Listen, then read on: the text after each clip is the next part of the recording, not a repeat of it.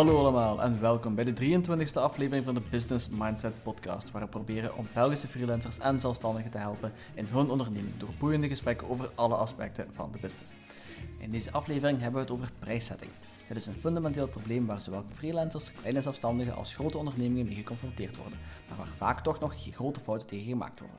In het ergste geval kan een foute prijszetting zelfs een volwaardige onderneming doen falen en dit proces moet dan ook uiterst nauwkeurig uitgevoerd worden. We voeren dit gesprek met twee experten op vlak van pricing, Omar Mohoed en Robin Kuipers. Omar Mohoed is een gevestigde waarde in de Belgische startup community en heeft eigenlijk geen introductie nodig. Als auteur van verschillende boeken, waaronder ook het boek Lean Pricing, talloze keynotes en columns op websites zoals VentureBeat en Blovie, heeft hij al heel veel startups en bedrijven digitaal geïnspireerd en helpen groeien. Momenteel is Omar actief bij management consultant Nova Reperta als partner en head of digital en maakt hij ook uit van verschillende raden van bestuur en organisaties zoals B-Central, Euronext, TaxShare en She Did It. Robin Kuipers is een jonge ondernemer die zich volledig gespecialiseerd heeft in pricing. Hij studeerde office management aan de Karel de Grote Hogeschool, maar ging vervolgens op eigen initiatief zich toeleggen op prijszetting en verkoopstrategieën. In 2018 richtte hij dan het bedrijf Strever op, waarmee hij hardwerkende ondernemers zekerheid probeert te geven over hun prijszetting. Via deze weg werkt hij doordachte prijsstrategieën uit voor kleine bedrijven zoals freelancers, coaches, consultants, webshops en kleine KMO's. Voor meer informatie over zowel mijzelf als al gasten kun je altijd terecht in de description van deze episode. Daar vind je opnieuw een korte bio als ook links naar de social media accounts waar je hen kan bereiken. Dat was het laatste van mij. Hope you enjoy the episode.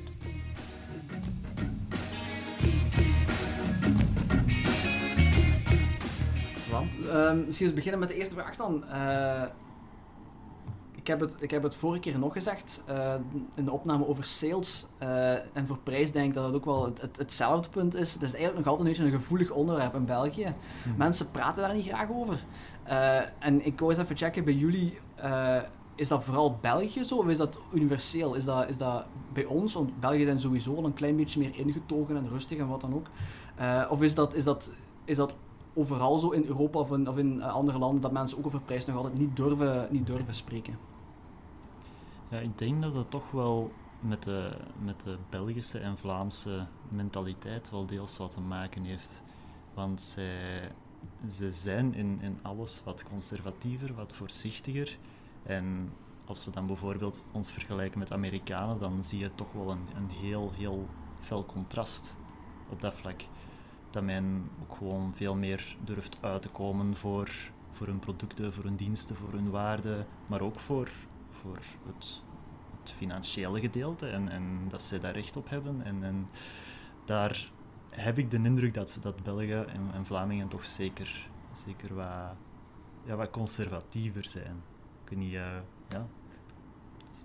Klopt, uh, dat misschien aansluitend. Um, Robin is je hebt twee componenten. Je hebt de communicatie rond prijs. Je, je ziet heel veel start-ups. Ik heb er acht jaar lang duizenden gezien die het meest fantastisch aan het doen zijn. Knap, uh, waardecreatie, impact. En dan vraag je de prijs en dan wordt het heel stil. Oké? Okay? Dat is de communicatie van de prijs. En daar geloof ik dat we cultureel nu bepaald hè, enorm hoog scoren. Zitten van de Amerikanen bijvoorbeeld, mm daar heb je zeker een punt. Maar tegelijkertijd, als je kijkt naar prijs intern, prijsafspraken, opstellen van prijs, mm is dat proces dat nergens constant wordt gevoerd. Wat je ziet is dat jaren geleden, toen ik nog werkte voor de hardwarebedrijven, was dat jaarlijks terugkerend ritueel, de prijs bekijken voor volgend mhm. jaar. Dat was een dag zwoegen en zweten, niet de meest leuke activiteit, en dan waren we blij daarna we een jaar vanaf waren. Dus de communicatie is een cultureel verschil. Mm -hmm. Intern zie je dat de meeste organisaties eigenlijk prijs te weinig aandacht geven. Ik zit zelf in verschillende raden van bestuur bijvoorbeeld. Elk kwartaal, ja, elk, elk kwartaal leg ik het op tafel. Hè. Niet dat elk kwartaal prijs moet omhoog gaan, dat bedoel ik mhm. niet. Maar het is zo belangrijk, het is een van de weinige manieren om value te capteren. Ik kom er straks nog wel op terug, denk ik, in dit gesprek. Dat je dat eigenlijk ook niet wil negeren. Je moet daar constant mhm. aan denken. Mm -hmm. Maar mensen durven er ook niet aan te komen dan. Het feit dat, dat de prijs verandert, dat boezemt precies dan nog, nog angst in dat mensen daarop gaan reageren en zeggen van, hé, hey, wat, wat is hier gaande? Allee, mensen hebben precies schrik van een consument. Er is de angst om, om inderdaad te worden gepercipeerd te laag of te hoog, maar vooral te hoog. Hè. Mhm. Meestal Zeker start-ups zijn niet goed in pricing, ze onderpricing meer dan overpricing. Toen keer zie je veel minder. Mhm. Dat is één zaak. Maar twee, het is ook niet evident. Wat is de waarde van deze podcast bijvoorbeeld? Uh, Jan heeft hier een podcast met heel veel value die je brengt als zodanig. Gratis, tot een zekere hoogte. wat is het waard van die podcast? Om daarbij stil te staan. En, en, die is intangible, hè. je bouwt je netwerk op, het zijn boeiende gesprekken, je leert daarvan. Maar eigenlijk, als je een prijs op zou plakken, zou je ook wel worstelen om daar een prijs op te plakken. Dat is ook zo. Mhm. Dat, ja, voor, voor mij persoonlijk, als ik dan puur daar even op mag inpikken, hangt dat ook een beetje af van, van welke waarde creëer je voor iemand. En, en als je nu zegt van kijk, een, een wagen kan je heel makkelijk zeggen van kijk, dat zijn mijn kosten en eh, zoveel comfort kan je een bepaalde, een bepaalde prijs op plakken, maar voor iets ontastbaar zoals, zoals dit, eh, kennis, kennis is heel moeilijk om dat, om, dat te, ja, te waarderen, om het zo te zeggen. Dus ja, dan, dan, ja, ik zou er ook moeite mee hebben, moet ik, moet ik heel eerlijk zeggen, om daar, eh, daar iets op te plakken. Zelfs voor de wagen. Eh, Als je kijkt naar Skoda, hetzelfde onderstel als een high-end van Audi, als zodanig, toch betaal je een stuk meer voor de Audi dan voor het basismodel. Terwijl qua kwaliteit en mobiliteit, comfort kunnen we over discussiëren, maar betaalt ook veel meer, omdat het merk blijkbaar wel een waarde heeft. Terwijl het merk is heel Ja. intangible, Het waarde van het merk is inderdaad ook iets wat je, wat je, wat je meerekent. Ja. effectief. Sorry, ik wou je niet onderbreken, Robin. Nee? Ja, sowieso heel boeiend. Hè. Ik denk, eh, als, we, als we het hebben over waarde, en daar gaan we vandaag nog verschillende keren op terugkomen, Denk ben ik wel. zeker van.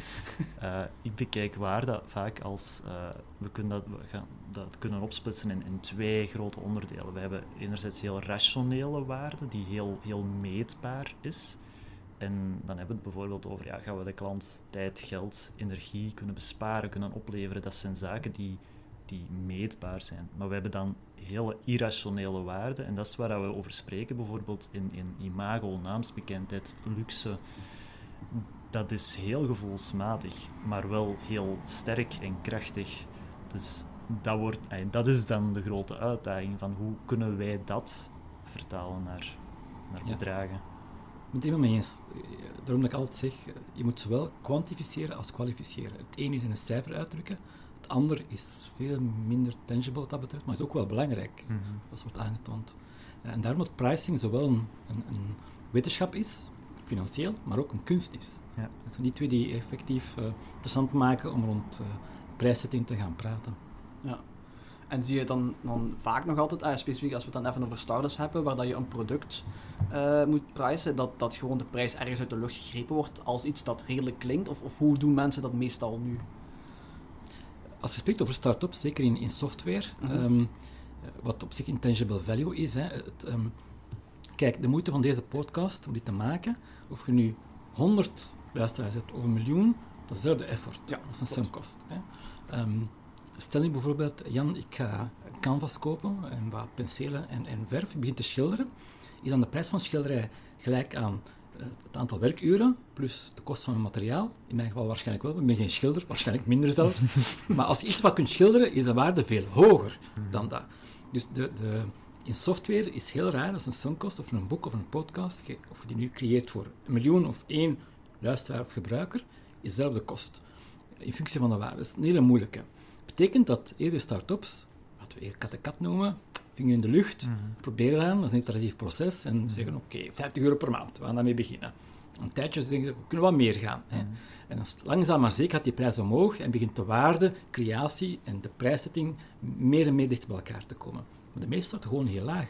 Of zelfs gratis. Het begin van, ik wil gewoon feedback krijgen van u als gebruiker. Dus heel veel beginnen aan dat model, in de hoop, maar hoop is geen strategie, dat is het probleem, dat daarna wel de prijszetting zou kunnen komen. Dat is ook een gevaar, want een van de redenen waarom je niet kunt slagen, is prijszetting. Als je dan geen prijs gaat vragen, ga je die learning uitstellen, hè, en dan kan je eigenlijk belangrijke tijd gaan verdoen om iets te gaan te verkopen, raads weg te geven, dat misschien nooit kan gevaloriseerd worden. Ja. Ja. Nu, het feit dat je, eh, als je iets gratis weggeeft en je krijgt veel tractie, uiteindelijk zie je ook wel dan dat, het, dat jouw oplossing een probleem oplost effectief. In principe kan je dat ook, eh, ook gebruiken als metric. Langs de andere kant denk ik ook wel, dan weet je nog altijd niet wat de waarde is voor die consument. Dus in die zin is het dan misschien toch beter om daar onmiddellijk dan een prijs op te plakken? Of, of... Ja, ik zou echt willen challengen. Moest je nu een start-up zijn op dit moment, Jan, dan zou ik u echt wel zeggen, momentje. Validatie van prijs is het belangrijkste punt dat je wilt, in je verdienmodel wilt valideren. Als je dat niet doet, en je hebt gewoon tractie op andere vlakken, heb je iets heel belangrijk genegeerd en uitgesteld. dat, is, dat is gewoon een hypothese. Je, hebt tractie, maar het is gratis. Dus dat uitstellen is heel gevaarlijk. Dus ik zou, moest er nu start-up zijn, zeggen, ik zou vooral die prijs gaan valideren. Ik vind het belangrijker dat de prijs valideert dan dat je tractie hebt. persoonlijk, hè. ik draai het nu gewoon even om, omdat ik een point wil maken. Omdat heel veel, de meeste fouten die ik zie, is exact dat, uh, het actie is oké, ja, oké, en wat about price? En dat gaan we wel zien als we dingen hebben. Nee, dat mag je vooral Mhm. niet gaan doen. Dat is ook het geval van freemium. Freemium, Mhm. ze noemen dat Vanity Metric, ik heb eh, 10.000 mensen bereikt. Oké, weet je wat het gemiddelde is van betalende mensen in freemium? Enig idee? Geen idee. Ehm, ik ga het u vertellen. In B2C niet meer dan 3%. In B2B maximum 15%. Mhm. Dat is op zich niet erg als die 3% betalen voor al de rest, is oké. Ik gebruik bijvoorbeeld Evernote, Ja. voor notas bij te houden. En als ik in een groep ben on price, denk ik, wie, wie heeft de Evernote? Wat handen omhoog. Wie betaalt er af en toe? Is er een brave persoon die zijn hand... Dat is 3%. Dankzij die persoon, maar 3 op de 100, kunnen wij gratis Evernote gebruiken. Dat kan, die rekening kan kloppen, maar meestal de mensen het idee, ik ga 20%, 30, 50% converteren. Het is 3% in B2C. Hè. Mhm. Bon chance om dat Mhm. leefbaar te maken. Ja. Mhm. Dus dan is dat iets wat je dan stelligste zou afraden? Of zijn er bepaalde situaties dat het bijvoorbeeld dan wel zou kunnen, zou kunnen werken in het freemium model? Eh, Ik geloof in freemium als een marketingmodel om viraliteit te hebben. Maar je moet wel zorgen dat je prijs eh, niet te lang uitstelt. Ik geef het een mooi voorbeeld. Mailchimp wordt heel veel gebruikt. Ja. Mailchimp is gestart als een premium model. Je betaalt daarvoor. En dan, eens dat dat allemaal begon te werken, ze wisten hoe ze waarde konden capteren, zijn ze naar freemium gegaan om sneller te kunnen gaan groeien. Ja, Mhm. Ja, dus als je het omdraait, alle respect voor, als je het doet vanuit puur vanity matrix, neem je een risico. Let op, ik kan niet voorspellen of het gaat werken of niet, Mhm. maar je neemt gewoon een risico. En dat is een gevaar waar ik altijd op wijs naar start-ups toe. Ja, ik denk dat het risico ook erin zit dat we de, in het freemium model soms ook gewoon te veel waarde al wordt gegeven. En, en tegenover de betalende versie, dat, dat mensen eigenlijk met het gratische al, al veruit toekomen. En dan is het alleen maar moeilijker om hen nog naar de betalende versie te laten overgaan. Absoluut. Stel bijvoorbeeld Evernote. Ik zou begot niet weten waarom ik zou moeten betalen. dat heel spijtig, want het gaat me niet over die 5 dollar per maand. Hè. Ik kan het keer les. Het is eigenlijk onwaarschijnlijk dat ik zelfs niet weet wat ik zou kunnen doen, wat ik vandaag niet kan gaan doen. Mhm. Vandaar, voor freemium is de regel, ja, het is natuurlijk niet leuk voor de consument, hè. sorry ondernemers, is, begint eerst met de hemel te laten zien, alles te geven. En de eerste de leercurve was dan is een week of zes weken of zo. En als je de hemel hebt geproefd van wauw, dan de hel. Dan ga je dus naar de free kant, dat ze echt zien wat ze allemaal missen en voelen, en ze dan bereid zijn om te gaan betalen. Ja. Dus eerder, eerder de trial dan, dan het freemium model eigenlijk dan. Daar komt Ik, het ik ben pro-trial, wat Ja. dat betreft, ja. Mhm. Maar let goed op, wat ik vandaag zeg, hè, belangrijk ook voor het publiek, denk ik, dat zijn allemaal vuistregels. Dat zijn geen wetmatigheden. Je je kunt het omgekeerd doen en succesvol zijn, Mhm. je pakt gewoon een risico. Dat is alles. Mhm. Maar dat is uiteindelijk ook... allee, dat is uiteindelijk waar het op neerkomt hier vandaag. Hè. Dus, dus inschattingen maken van, in dit geval, waarde of, of een risico. allee, dat, dat is... Ja. Ik denk dat dat een beetje van, van het geval zelf afhangt, maar los door de bocht genomen denk ik dat die vuistregels over het algemeen wel vrij... allee, de meeste bedrijven vallen in dezelfde categorie of doorlopen hetzelfde traject. Ik denk dat dat wel, eh, wel ongeveer, eh, ongeveer overal min of meer hetzelfde is. Dus, eh, Mhm. Ja, en als we het dan hebben over freemium, het is wel heel specifiek aan, aan, aan softwareproducten. Hè? Want dit gegeven kunnen we haast niet doortrekken naar gewone producten, gewone diensten. Want dat wil zeggen dat we echt gratis ja, een dienstverlening gaan doen. En dat kan, maar dan wordt het ja, minder schaalbaar als in bij, een- bij een, een softwarematig product. Dan zit- ja, dan is het gewoon makkelijker om, om die een overstap nog te laten maken, denk ik. Als Ja. Op volume wel, maar ik denk wel dat er ook bepaalde modellen zijn waar je bijvoorbeeld een eerste sessie gratis krijgt. En bijvoorbeeld een, een therapeut, dat is nu misschien een heel slecht voorbeeld, ik ben niet inge, in die markt, dus ik weet niet precies hoe het werkt. Maar ik kan me wel voorstellen dat je, dat je bijvoorbeeld de eerste sessie gratis krijgt en daarna pas eigenlijk in een betaald model gaat.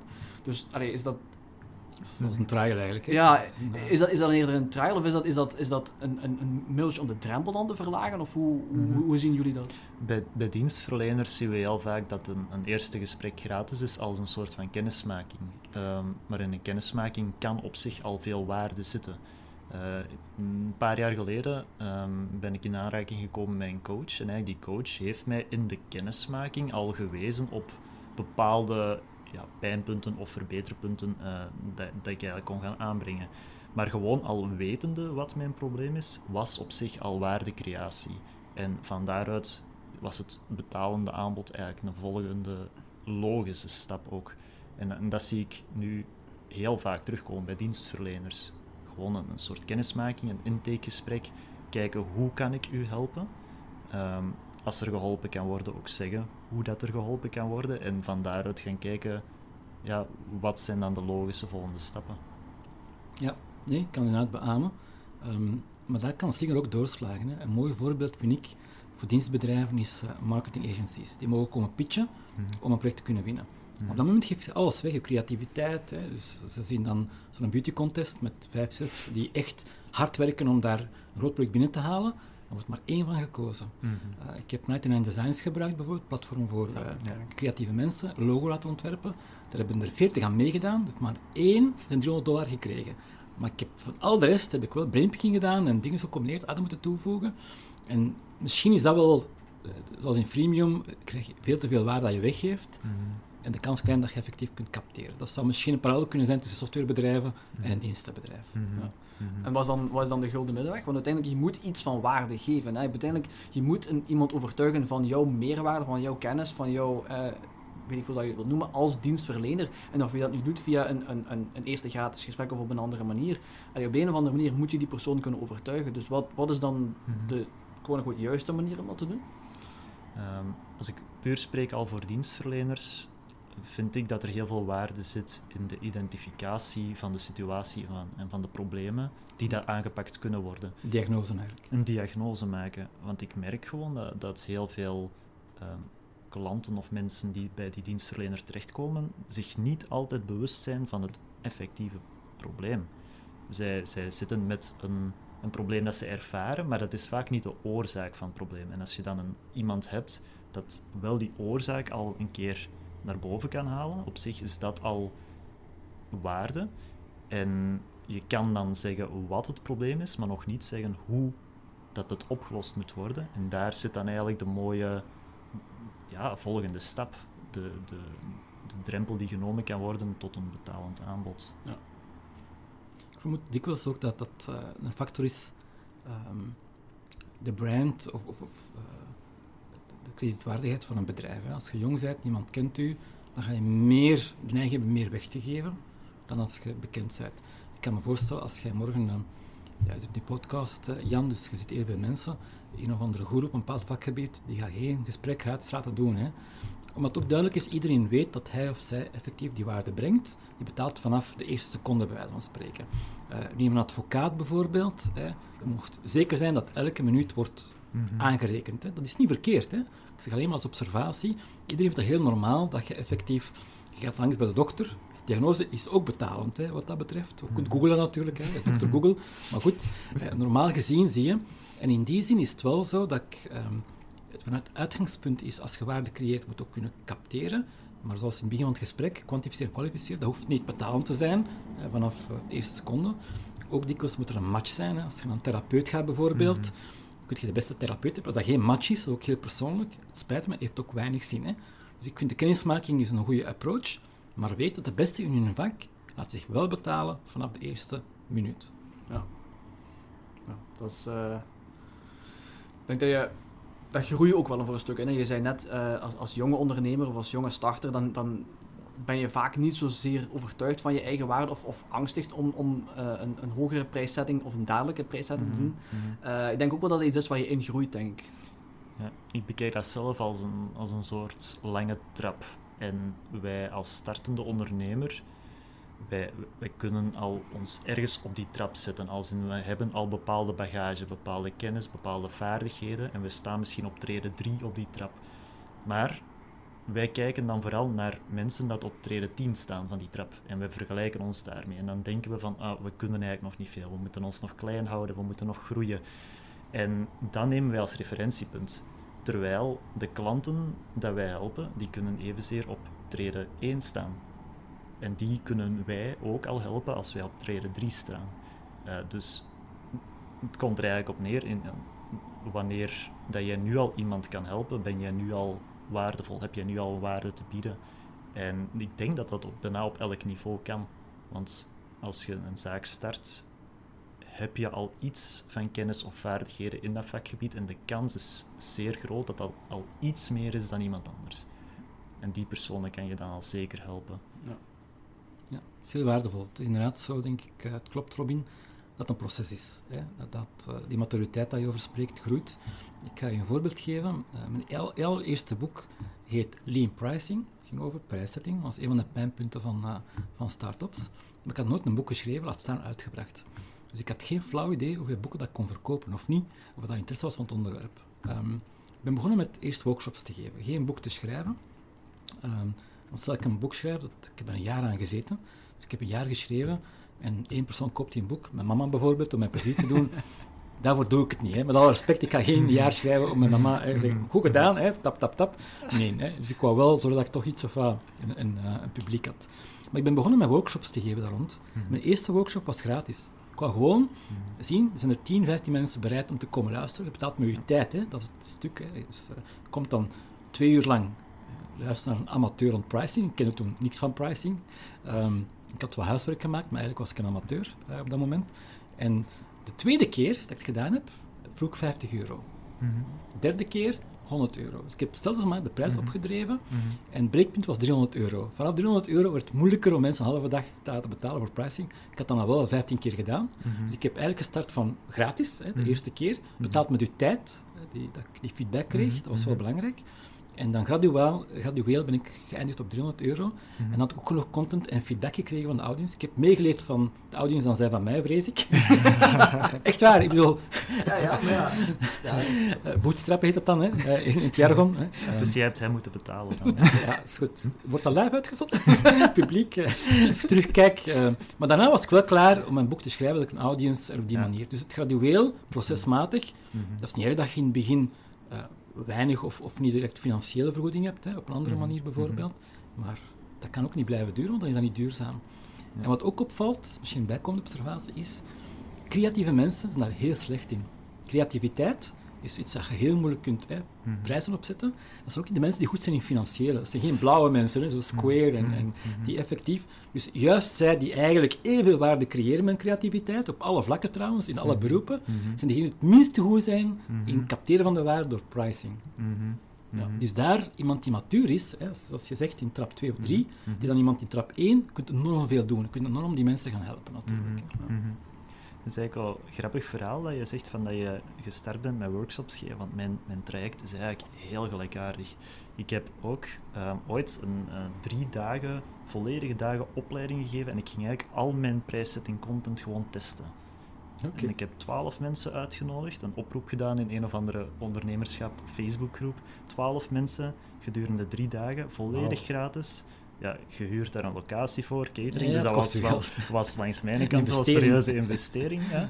En de, de deal was, jullie gaan van alles leren over prijszetting in ruil voor feedback. Feedback op de content, maar ook feedback op in welke mate um, zijn jullie daar bereid om voor te betalen en in welke vorm. Dus dan konden we gaan testen van, ah ja, stel we, we gaan dit commercialiseren in de vorm van dagopleidingen. Of stel in uh, kortere workshops. Of stel in een online cursus. En, en zo gingen we eigenlijk gaan kijken van ja, waar zit hun... In co-creatie eigenlijk, Robin. Ja, ja. Drie dagen lang? Ja.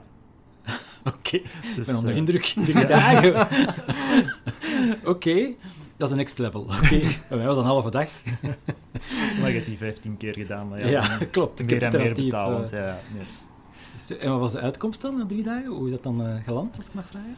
Um, dat is de basis geweest voor, voor de trajecten en zo dat ik nu aan mijn klanten aanbied. Um, ja. Ik heb toen een tijdje geprobeerd om zo echt um, opleidingen aan te bieden waar, waar eender wie op kon inschrijven. Maar ik merkte dat dat businessmodel lag me iets minder. want dan zijn ze evenzeer bezig met eventorganisatie. Ja, met, de logistiek. Met de, de lo locaties, de catering, het, uh, ja, die inschrijvingen verkrijgen. En dat was eigenlijk niet, niet zo mijn ding. Uh, ik ging dan liever één op één in de diepte. Um, dus ik ben met dezelfde content wel meer die richting uitgegaan. En het geven van workshops is nu nog sporadisch. Hè, dus dat uh, Oké, okay. dus de format is veranderd, maar de content ja. heb je eigenlijk in drie dagen ja. gevalideerd als zodanig. Ja. Wauw. Oké, okay. dat is een next level. ik was even inpikken op wat je juist zei, Robin. Uh, de vraag, willen jullie hiervoor betalen, is een heel gevaarlijke. Hmm. Uh, omdat het percentage wat, wat Omar daar zei was 3% geloof ik, en die, die betaalde voor... Uh, premium. Ja, voor premium. Mm ik geloof dat het ook zo ergens iets is voor dat percentage, dat als je, als je zegt van kijk, hier, dit is dit, is dit, en dan de vraag stelt, willen jullie hiervoor betalen, dat er ook eigenlijk maar een heel klein percentage is dat dan effectief, als je het product zou maken en hen effectief zou geven, in hun handen zou geven, uh, die dan ook hun portefeuille opentrekken en effectief dan, uh, effectief dan uh, ervoor willen betalen. Dus in welke zin, in welke mate mm. vinden jullie dat, een, dat een, een, een, een, geldig validatiemiddel, gewoon de vraag stellen of ze het zouden willen doen? Mm. Ja, ik vind dat op zich al niet de beste vraag om te stellen, hè, want dat is een, een ja-nee-vraag. Dan kun je beter gaan vragen, hè, welk bedrag zou jij over hebben voor dit aanbod? En dan gaan we eigenlijk het, het aanbod beschrijven of de waarde beschrijven. Nu in ons geval van de opleidingen of de workshops hadden ze dat ervaren. Hè? Dus dan wisten ze wat ze eigenlijk zouden krijgen. Als je dan achteraf die vraag stelt, dan zou ik eerder naar bedragen vragen. En hoe ik het zelf aanpak, is ik stel bijna nooit de vraag van welk bedrag wil je betalen. Ik ga dat meer in een, een bereik vragen, een gradatie. En dat zijn bij mij dan vier vragen van welk bedrag zou te laag zijn voor de waarde die je ontvangen hebt. En welk bedrag zou dan laag zijn, dat het net heel voordelig wordt. Welk bedrag zou hoog zijn, maar zo nog net de moeite waard. En welk bedrag is eigenlijk te hoog voor de waarde. En dan krijg je eigenlijk een antwoord in een bereik in plaats van één bedrag. Want één bedrag noemen vinden mensen heel moeilijk. Ja. Maar antwoorden in gradaties kunnen ze al iets meer vatten. En kunnen ze ook weer kijken, ah ja, ik vond dat laag, dus dan vind ik dit. En, en... De, de V-vraag die je nu beschrijft, uh, Robin, is de prijsgevoeligheidsmeter van Westendorp, hè? een, een uh, Nederlandse econoom van de jaren 70, die inderdaad die aanpak ook aanraadt. Er zijn verschillende frameworks, maar dat vind ik persoonlijk de meest effectieve. Mhm. Het, het, moeilijkste is, zeker voor iets innovatief of iets creatief, is om uit te leggen wat juist is. Want om iets te kunnen inschatten, moet je mm. natuurlijk wel overtuigen van, mm. ah ja, dat is wat je eigenlijk koopt of krijgt of uh, wilt gebruiken. En als je dat al heel goed krijgt, crystal clear krijgt, dan is een prestatie op zich. Mm-hmm. Je mag ook, uh, je kunt dat telefonisch doen of face-to-face, niet in een survey per e-mail, dat is wel een belangrijk, dat je feedback capteren ook de reactie van iemand. Hè. Mhm. Dus de ideale prijs is de prijs dat je een weerstand voelt, dan zeg je toch ja. Mhm. Hè. Mhm. Als, als, als het te vlot gaat, is het waarschijnlijk te laag. Hè. Dat is zo belangrijk. En die reactie krijgen, door te, iemand te communiceren, liefst face-to-face, telefonisch, is belangrijk. Maar de opbouw is belangrijk. Je mocht dus niet zeggen van, uh, wil je betalen? Dat is al sowieso een vraag die je niet mag stellen, want het suggereert dat het ook gratis kan zijn. Dat is niet oké. Maar vooral aftasten van hè, de vier vragen. Dus ondergrens, bovengrens, en dan inzoomen. Mhm. Concreet is uh, Van Westendorp, de originele uh, de econoom die het heeft mhm. uitgevonden, of heeft uh, ja, uitgevonden, die um, is de regel in B2B dat je dan een tiental prospecten bedrijven afcheckt en in B2C een honderdtal consumenten. En dan kun je daar een histogram van maken en waar de twee, de, de, de, het begint met bovengrens, ondergrens, als je dan inzoomt, uw, andere twee vragen, Robin, daar waar de lijnen elkaar kruisen, dat is eigenlijk het optimale prijspunt. Volgens Van Westendorp. Voor alle duidelijkheid. Mhm, mhm. Het is een van de sterke technieken die je kunt inzetten om prijsbepaling te gaan doen. Ja. ja. en zoals ik het gehoord heb, wordt die techniek, uh, de vraag van willen jullie voor betalen, wordt heel vaak gebruikt voor validatie, maar in principe de betere validatie is eigenlijk gewoon de prijs op voorhand, een bedrag op voorhand te vragen en kijken of ze het effectief hun, hun portefeuille willen, willen opdoen. En, en enfin, dat is toch alles wat ik altijd gehoord heb. Mhm. Dus uh, in, in, dat opzicht lijkt mij ook wel juist. Want op zich, als het waarde heeft, dan willen ze die waarde er ook voor betalen. Mm Lijkt mij. Dus, uh, ja, maar waarde is wel perceptie. Hè? Mm Belangrijk, uh, Jan. Dus dat je, het, het, is, het is ook wat in het begin zei, van, hè, het subjectief en het rationeel daar rond. Het is ook een groot stuk perceptie. Hè. Je betaalt veel meer voor de Audi of welk merk dan ook. Wat een stuk die associatie is, de perceptie, als zodanig. Dat is niet altijd even rationeel. Dat klopt. Ja hoe ik in het verleden um, het boeken ook al gehoord heb, hoe dat ze soms wel eens uh, valideren, uh, is inderdaad, eh, wij hebben hier een, een, een, aanbod, we hebben daar een bedrag voor, uh, maar misschien is dat dan een, een pre-order, dat het nog niet effectief op de markt gebracht is. En dat, dat ze zo eigenlijk gaan testen van ja, wie is er nu al bereid om ervoor te betalen, zonder het effectief al al gemaakt is, uh, dat zie je ook meer en meer terugkomen. Je uh, moet wel goed zien dat je jezelf daar goed hebt ingedekt. uh, maar in principe, qua validatie kan dat wel, wel tellen. Eh, iets dat nog gemaakt moet worden, als mensen daar nu al bereid zijn om daarvoor te betalen, denk wel dat het dan de moeite gaat zijn om dat verder te verkennen en verder mee aan de slag te gaan. In welke zin, uh, want jij sprak er straks eventjes over een ladder. Hè? Sommige Mhm. personen staan verder op de ladder en sommige, sommige minder. In welke zin is de, de marktprijs of de, de prijs van concurrenten relevant als je, als je zowaar eens iets wilt doen? Mhm. Ja, want jij, jij vroeg uh, daar straks ook van uh, waar zijn prijzen nu op gebaseerd. Ja. En als, ik, als ik kijk naar, naar mijn klanten, zijn concurrentie, concurrenten, is daar veruit de basis waarop hun huidige prijzen gebaseerd zijn. En dan vaak nog, ik kijk naar de concurrenten en ik zet me daar nog lichtjes onder. Dat is zo de standaard dat ik heel vaak, vaak zie terugkomen. Um, dus concurrentie, ik vind het heel belangrijk om daar zeker van op de hoogte te zijn. Um, want we moeten toch wel wat weten in welk landschap wij, wij actief gaan zijn. Um, maar dan vind ik dat de, de oefening ook zeker mag zijn hoe ga ik of hoe gaat die, die ondernemer zich positioneren tegenover de concurrentie. Want ik ben niet altijd van mening dat we ons volledig moeten laten afhangen van concurrenten, maar wel dat we, dat we onze eigen positie kunnen gaan bepalen eens we dat landschap van concurrenten wat, wat kennen. En dan kan het soms zijn dat wij duurder zijn dan sommige concurrenten, maar ook goedkoper. Dus ik denk dat we daar nog veel meer beslissingsrecht in hebben dan dat we denken. Maar dan is het een, een kwestie van ook onze waarden duidelijk te hebben tegenover concurrentie en die dan ook nog eens te communiceren, waar Omar helemaal in het begin al over sprak. Hè. Dat we het eigenlijk heel helder maken voor de klant waarom dat wij een hogere waarde kunnen bieden misschien dan sommige anderen. Heel juist. Ik kan me daar helemaal in vinden. Voor mij is concurrentieanalyse vooral het landschap kennen. Hè. Wie doet wat. Mm -hmm. um, en je pakt dan eigenlijk een spectrum van concurrenten rond prijszetting. En dan zie je waar je staat in, die, in dat spectrum. Uh, helaas, dikwijls ga je dan proberen uh, helemaal onderaan. Uh, zolang dat, dat klopt met jouw value propositie, is dat geen probleem. Als je echt zegt, ik wil de goedkoopste zijn, mm. zou het raar zijn dat je in het midden staat. Hè. Mm. Maar als je zegt van, wij zijn de beste, Mm -hmm. Dat klopt dan niet. Je kunt niet zeggen, wij zijn het beste product hebben wij en je bent het goedkoopste. Something is wrong, weet je? Mm -hmm. Dus zolang dat wat je beweert te zijn als je USP's overeenkomen met het spectrum, mm -hmm. het spectrum is zo de klant het ervaren. Zij kijken naar het landschap en zeggen, ah, je hebt die providers, uh, waar sta je? Als het overeenkomt met je propositie is geen enkel probleem. Uh, maar meestal sta je te laag.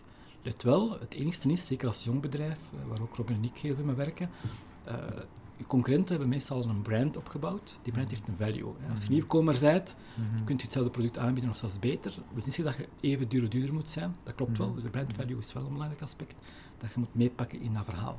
Maar meestal ben je gewoon te laag. En het andere aspect, denk ik, Jan, is...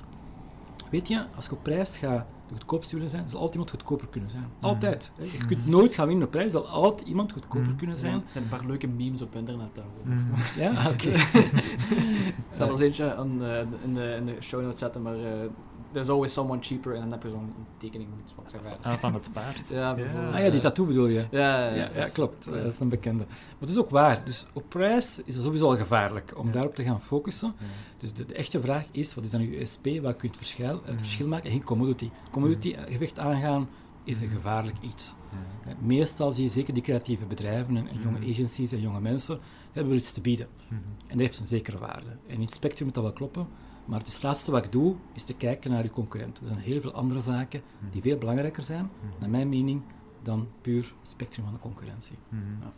Dus je gebruikt, je gebruikt het ook niet als startpunt dan, want uiteindelijk dan door je concurrenten te bekijken, kun je ongeveer zien waar dat de markt is. En dan, allee, ik, dat is persoonlijk hoe ik het dan zou denken, is je kijkt naar je concurrenten, je, je, voelt de markt en dan ga je kijken, is mijn value proposition hoger of lager dan wat zij aanbieden? Of, of pak je het dan anders aan? Of? Nee, het is juist. Uh, Jan, wat, eigenlijk zegt, allee, wat ik zeg is van, kijk, je hebt verschillende methodes om een prijs te valideren. Uh -huh. Eén daarvan is concurrentieanalyse. Dat is een validatie van, klopt dat wat ik vertel, en dat ook mijn positie tegen de markt aanneem. Uh -huh. Maar het is niet iets voor prijs te gaan opzetten. Nee. Sure. Vandaar dat het twee aparte elementen zijn. Ja, akkoord. Ga je dan, of mag je dan, nou, mogen is uiteraard een heel, heel, uh, heel breed concept. Is het dan aangeraden of af te raden uh, dat, je, dat je je concurrenties gaat meenemen in je verkoopsgesprek? Dat je gaat zeggen van kijk, ik weet dat die of die goedkoper is, maar wij bieden dit en dit en dit. Of, is dat eerder, of moet je eerder jouw waarde bewijzen op jouw aanbod en je concurrenten gewoon negeren in zo'n in zo'n gesprek? Zeer goede vraag. Um, ik vind persoonlijk dat we niet te hard mogen focussen op de concurrenten in een verkoopgesprek. Ehm, omdat we dan in een rol zitten van we moeten ons verantwoorden. En ik vind dat geen gezonde houding om het gesprek in te gaan en, en de verkoop te realiseren. Ik denk dat het interessanter gaat zijn dat we eigenlijk de klant het zelf laten inzien. Ehm, wellicht als het een zeer concurrentiële markt is, gaan ze ook niet enkel met ons een gesprek hebben. Dan gaan ze ook met concurrenten een gesprek hebben. En dan lijkt het mij interessanter dat we in het gesprek ons focussen op de echte USP's, de meerwaarde dat wij alleen bij wijze van spreken maar kunnen bieden, dat echt typerend zijn voor ons, dat dat super helder is. En ofwel hebben ze al gesprek met concurrenten gehad en zien ze het verschil, ofwel moet dat gesprek nog komen. Maar het, het verantwoorden gedeelte zou, zou bij mij niet goed aanvoelen. Ja, maar ik, ik heb het effectief al gehad dat ik in, een, bijvoorbeeld een autogarage binnenstap mm. en, en, we hebben eerst een aangenaam gesprek, een testrit gemaakt en wat dan mhm. ook. En op het einde van, van, van het gesprek kreeg ik daar ineens een blad voor mij met, uh, een, je kent het wel, de vinkjes en de kruisjes van ja, mhm. dit zijn toch wel dingen die wij hebben uh, ten opzichte van die en die andere merken. Dat was, mhm. ik vond het persoonlijk ook een heel rare ervaring uh, om, om te hebben, maar ik weet niet, ja, het is, het is moeilijk om, om soms te kwantificeren wat het verschil is tussen jou en je concurrenten. En dat moet je wel op mm. een of andere manier heel duidelijk kunnen maken dan als je toch die hogere prijs mm. wilt gaan verantwoorden. Ja, en eigenlijk met die actie te ondernemen, ga je als verkoper of ondernemer zijnde ervan uit dat de klant op prijs gaat beslissen. En dat is niet altijd. Dat is niet altijd het geval. Prijs is een heel belangrijke factor voor zowel de klant als de ondernemer. Maar het gebeurt genoeg dat mensen een, een meerprijs betalen. En ik denk als we, als we te hard naar die concurrentie gaan kijken, dat we proberen te verantwoorden, maar dan gaan we eigenlijk de klant net het gevoel geven van je vindt prijs belangrijk, je vindt prijs belangrijk, terwijl dat, dat eigenlijk niet altijd gaat zijn. prijs is een functie van de waarde hè, die, die je brengt. Maar het is wel, ja, het is wel waar. Hè. Uh, oftewel trek je van de zwakte van een concurrent, oftewel van je eigen sterkte. In die zin is focus bij eigen sterkte veel, veel belangrijker. Hè. Bijvoorbeeld in, in, um, als je vraagt aan start-ups in software, uh, applicaties, apps, noem maar op, vraagt van wat is dat nu de waarde dat je eigenlijk brengt, dan is meestal het antwoord aan onze features, functionaliteit. En hoe meer denken ze, hoe meer ze kunnen vragen. Ik wil dat omgekeerd. Wat je krijgt is uh, een Zwitserse zakmes dat alles kan, maar eigenlijk niks kan. Dus je wilt uh, een bepaalde functie heel goed zijn. Dus dat is, laag, dat is wel waarde, maar dat is de laagste graad van waarde. Een betere parameter is, uh, zoals je ook uh, genoemd hebt, Jan, de delta tussen jou en de markt. Wat is het verschil tussen ik, als je voor ons kiest, en de andere? Delta is al reden om voor jou te kiezen. Hè. Uh, het kan prijs zijn, hè, als je echt prijsbreker bent, maar hmm, niet de beste strategie. Maar er zijn andere elementen die wel belangrijk zijn. Je garage die bijvoorbeeld een heel goede service level geeft, is veel belangrijker per se dan de goedkoopste kunnen zijn. Bijvoorbeeld bereikbaar zijn als er iets is en, niet, hè, niet altijd op afspraak en twee weken op voorhand en, en uh, niet flexibel zijn. Dus dat is het tweede stuk. En het derde stuk, of een betere, in de value chain, uh, nog een beter niveau, is welke impact maak je nu eigenlijk? Wat is, waar, maak je het verschil mee? Want in essentie, wat is waarde? Waarde gaat over al je benefits, alle voordelen, minder kosten dat je betaalt. Het is, het is eerst alle benefits, kunnen er heel veel zijn, dan trek je de kosten vanaf. Als het verschil groot genoeg is, dan heb je een incentive om te kopen groter het verschil is, hoe groter het incentive is. Als zodanig. Dat is een veel betere redenering, gezonder, ook naar de duurzaamheid van je bedrijf en de groei van je bedrijf, dan puur te zeggen, ja, maar wacht, de prijs, enzovoort en zo. Ik vind het zelfs gevaarlijk, in jouw geval, jouw voorbeeld, een afknapper zelfs, om met die persoon in zee te gaan. Ja, voor mij was het ook dat, dat voelde, voelde echt als, als shaming ten, ten opzichte van de andere merken. Die, op zich was het waar, want nu specifiek waar het over ging, dat was de, de veiligheidstesten, hè, waar het dan ging over de, over de wagen. Uh, en op zich inderdaad, dat merk was wat beter dan de rest. Maar op zich, allee, er, is, er is zoveel meer dan, dan alleen dat. En, en zeker het feit dat dat zo hele plaatsen dus even voor mijn neus gegooid werd, was een heel vreemde ervaring uh, om, om te hebben. Uh, maar goed, allee, ja, kijk... We hebben uiteraard uh, de andere merken ook bekeken en ik weet niet meer op basis waarvan we toen onze beslissing gemaakt hebben, maar ze zijn het niet geworden uiteindelijk. Hm. Dus, uh, Kijk, zo zie je maar. Ja, het is... Uh, het is Uiteindelijk het mensen het verschil maken. Hè? Mensen verkopen aan mensen hoor. Hm. Ja, dat... Twee weken terug, denk ik, of een paar weken geleden, een opname gedaan met Michael Lumblay. Dat zul je ook wel, wel kennen. En dat was ook iets wat, wat naar boven kwam. Dus kijk, veel raakpunten. ja, absoluut. Sowieso. Um, vanaf welk moment in een verkoopsgesprek haal je best prijs naar boven? Uh, want dat, is, dat is niet iets waar we het eerst over praten, maar wel iets wat dat op een gegeven moment kan je niet meer er rondheen. Hè. Prijs wordt Mhm. belangrijk op een bepaald moment. Dus hoe, hoe breng je zoiets best naar boven en hoe breng je zoiets best aan? Is dat een vast bedrag dat je het best erop plakt? Of is dat of, of een range? Of hoe, hoe doe je dat het beste? Ehm, naar mijn mening zou de prijs in een gesprek veruit op het einde pas besproken worden. Ehm, waarom veruit op het einde? Ik ben van, van mening dat we in een gesprek eerst moeten gaan achterhalen dat wij die persoon kunnen helpen. Dus dat wil zeggen dat er een gesprek tot stand moet komen, dat er wat vragen gesteld moeten worden, zodat pijnpunten, problemen naar boven komen. Want dan kunnen we eigenlijk pas gaan aantonen eh, hoe we met die persoon eigenlijk naar een bepaalde toekomst kunnen gaan. Hè? Want die persoon heeft problemen, die wil naar een gewenste situatie komen. Dus eigenlijk een, een groot deel van het verkoopgesprek gaat zijn ehm, die brug slaan tussen de huidige situatie en die toekomstige situatie. En wanneer dat je daarover communiceert, gaat er heel veel van de waarde kunnen eh, gecommuniceerd worden, achterliggend al. En ik denk dat dat een, een heel belangrijk gegeven is om daar eerst op te focussen. En daarna, als we zoiets hebben van oké, we weten nu, eh, we willen naar die toekomstige situatie werken, eh, we weten welke werkwijze wij gaan hanteren om daar te geraken, dan kunnen we eigenlijk meer gaan inzoomen op het concrete aanbod. En ik zal eerst ook uitgebreid het aanbod toelichten van wat is inbegrepen, wat niet, eh, welke voordelen gaan daarbij komen kijken, ehm, welke resultaten leveren wij op, wanneer, hoe ziet die werkwijze en dat proces eruit. Dat omschrijven is al waarde op zich, dat dat heel helder is. De klant moet dat goed weten. En dan pas zou ik over prijs spreken, daarna pas. Want als wij... ehm, ik heb het over laatst op de social media posts gevraagd van ja, wat kost een wagen? En daar zijn heel veel verschillende antwoorden op. Dus als wij nu in een gesprek te snel een prijs gaan tonen, men weet nog niet wat men daarvoor in de plaats krijgt.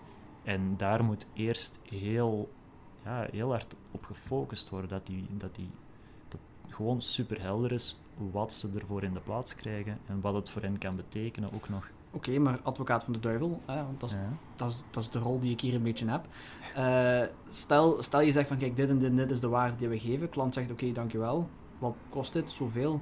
Ah, eh, ja, sorry, dat is ver boven mijn budget. En uiteindelijk heb jij er twee, drie, vier meetings ingestoken met ik weet niet hoeveel effort, eh offertes gemaakt en noem maar op, die je eigenlijk op één op een uurtje ook had kunnen zeggen van kijk, als, dit is de, de standaard die wij hanteren, hè, om het zo even te zeggen. Speciaal voor, zeker voor agencies is dat van toepassing, hè, omdat je dan Mhm.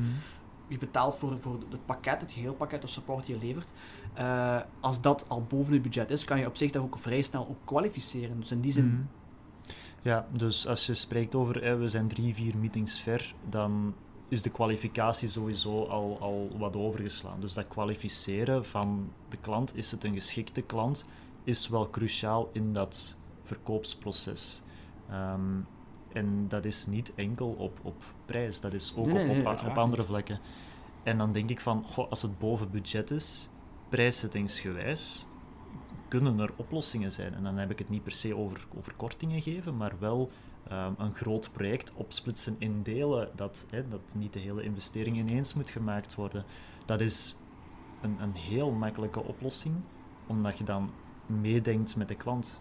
Uiteraard moet je zien dat, dat je zelf als bedrijf dat, dat aan kan, om ook de, de inkomsten gespreid te ontvangen. Maar in principe is dat heel klantgericht, wetende van kijk, een grote investering. Ehm, in plaats van dat ineens te betalen op voorhand, gaan wij dat in vier delen opsplitsen per fase van ons project.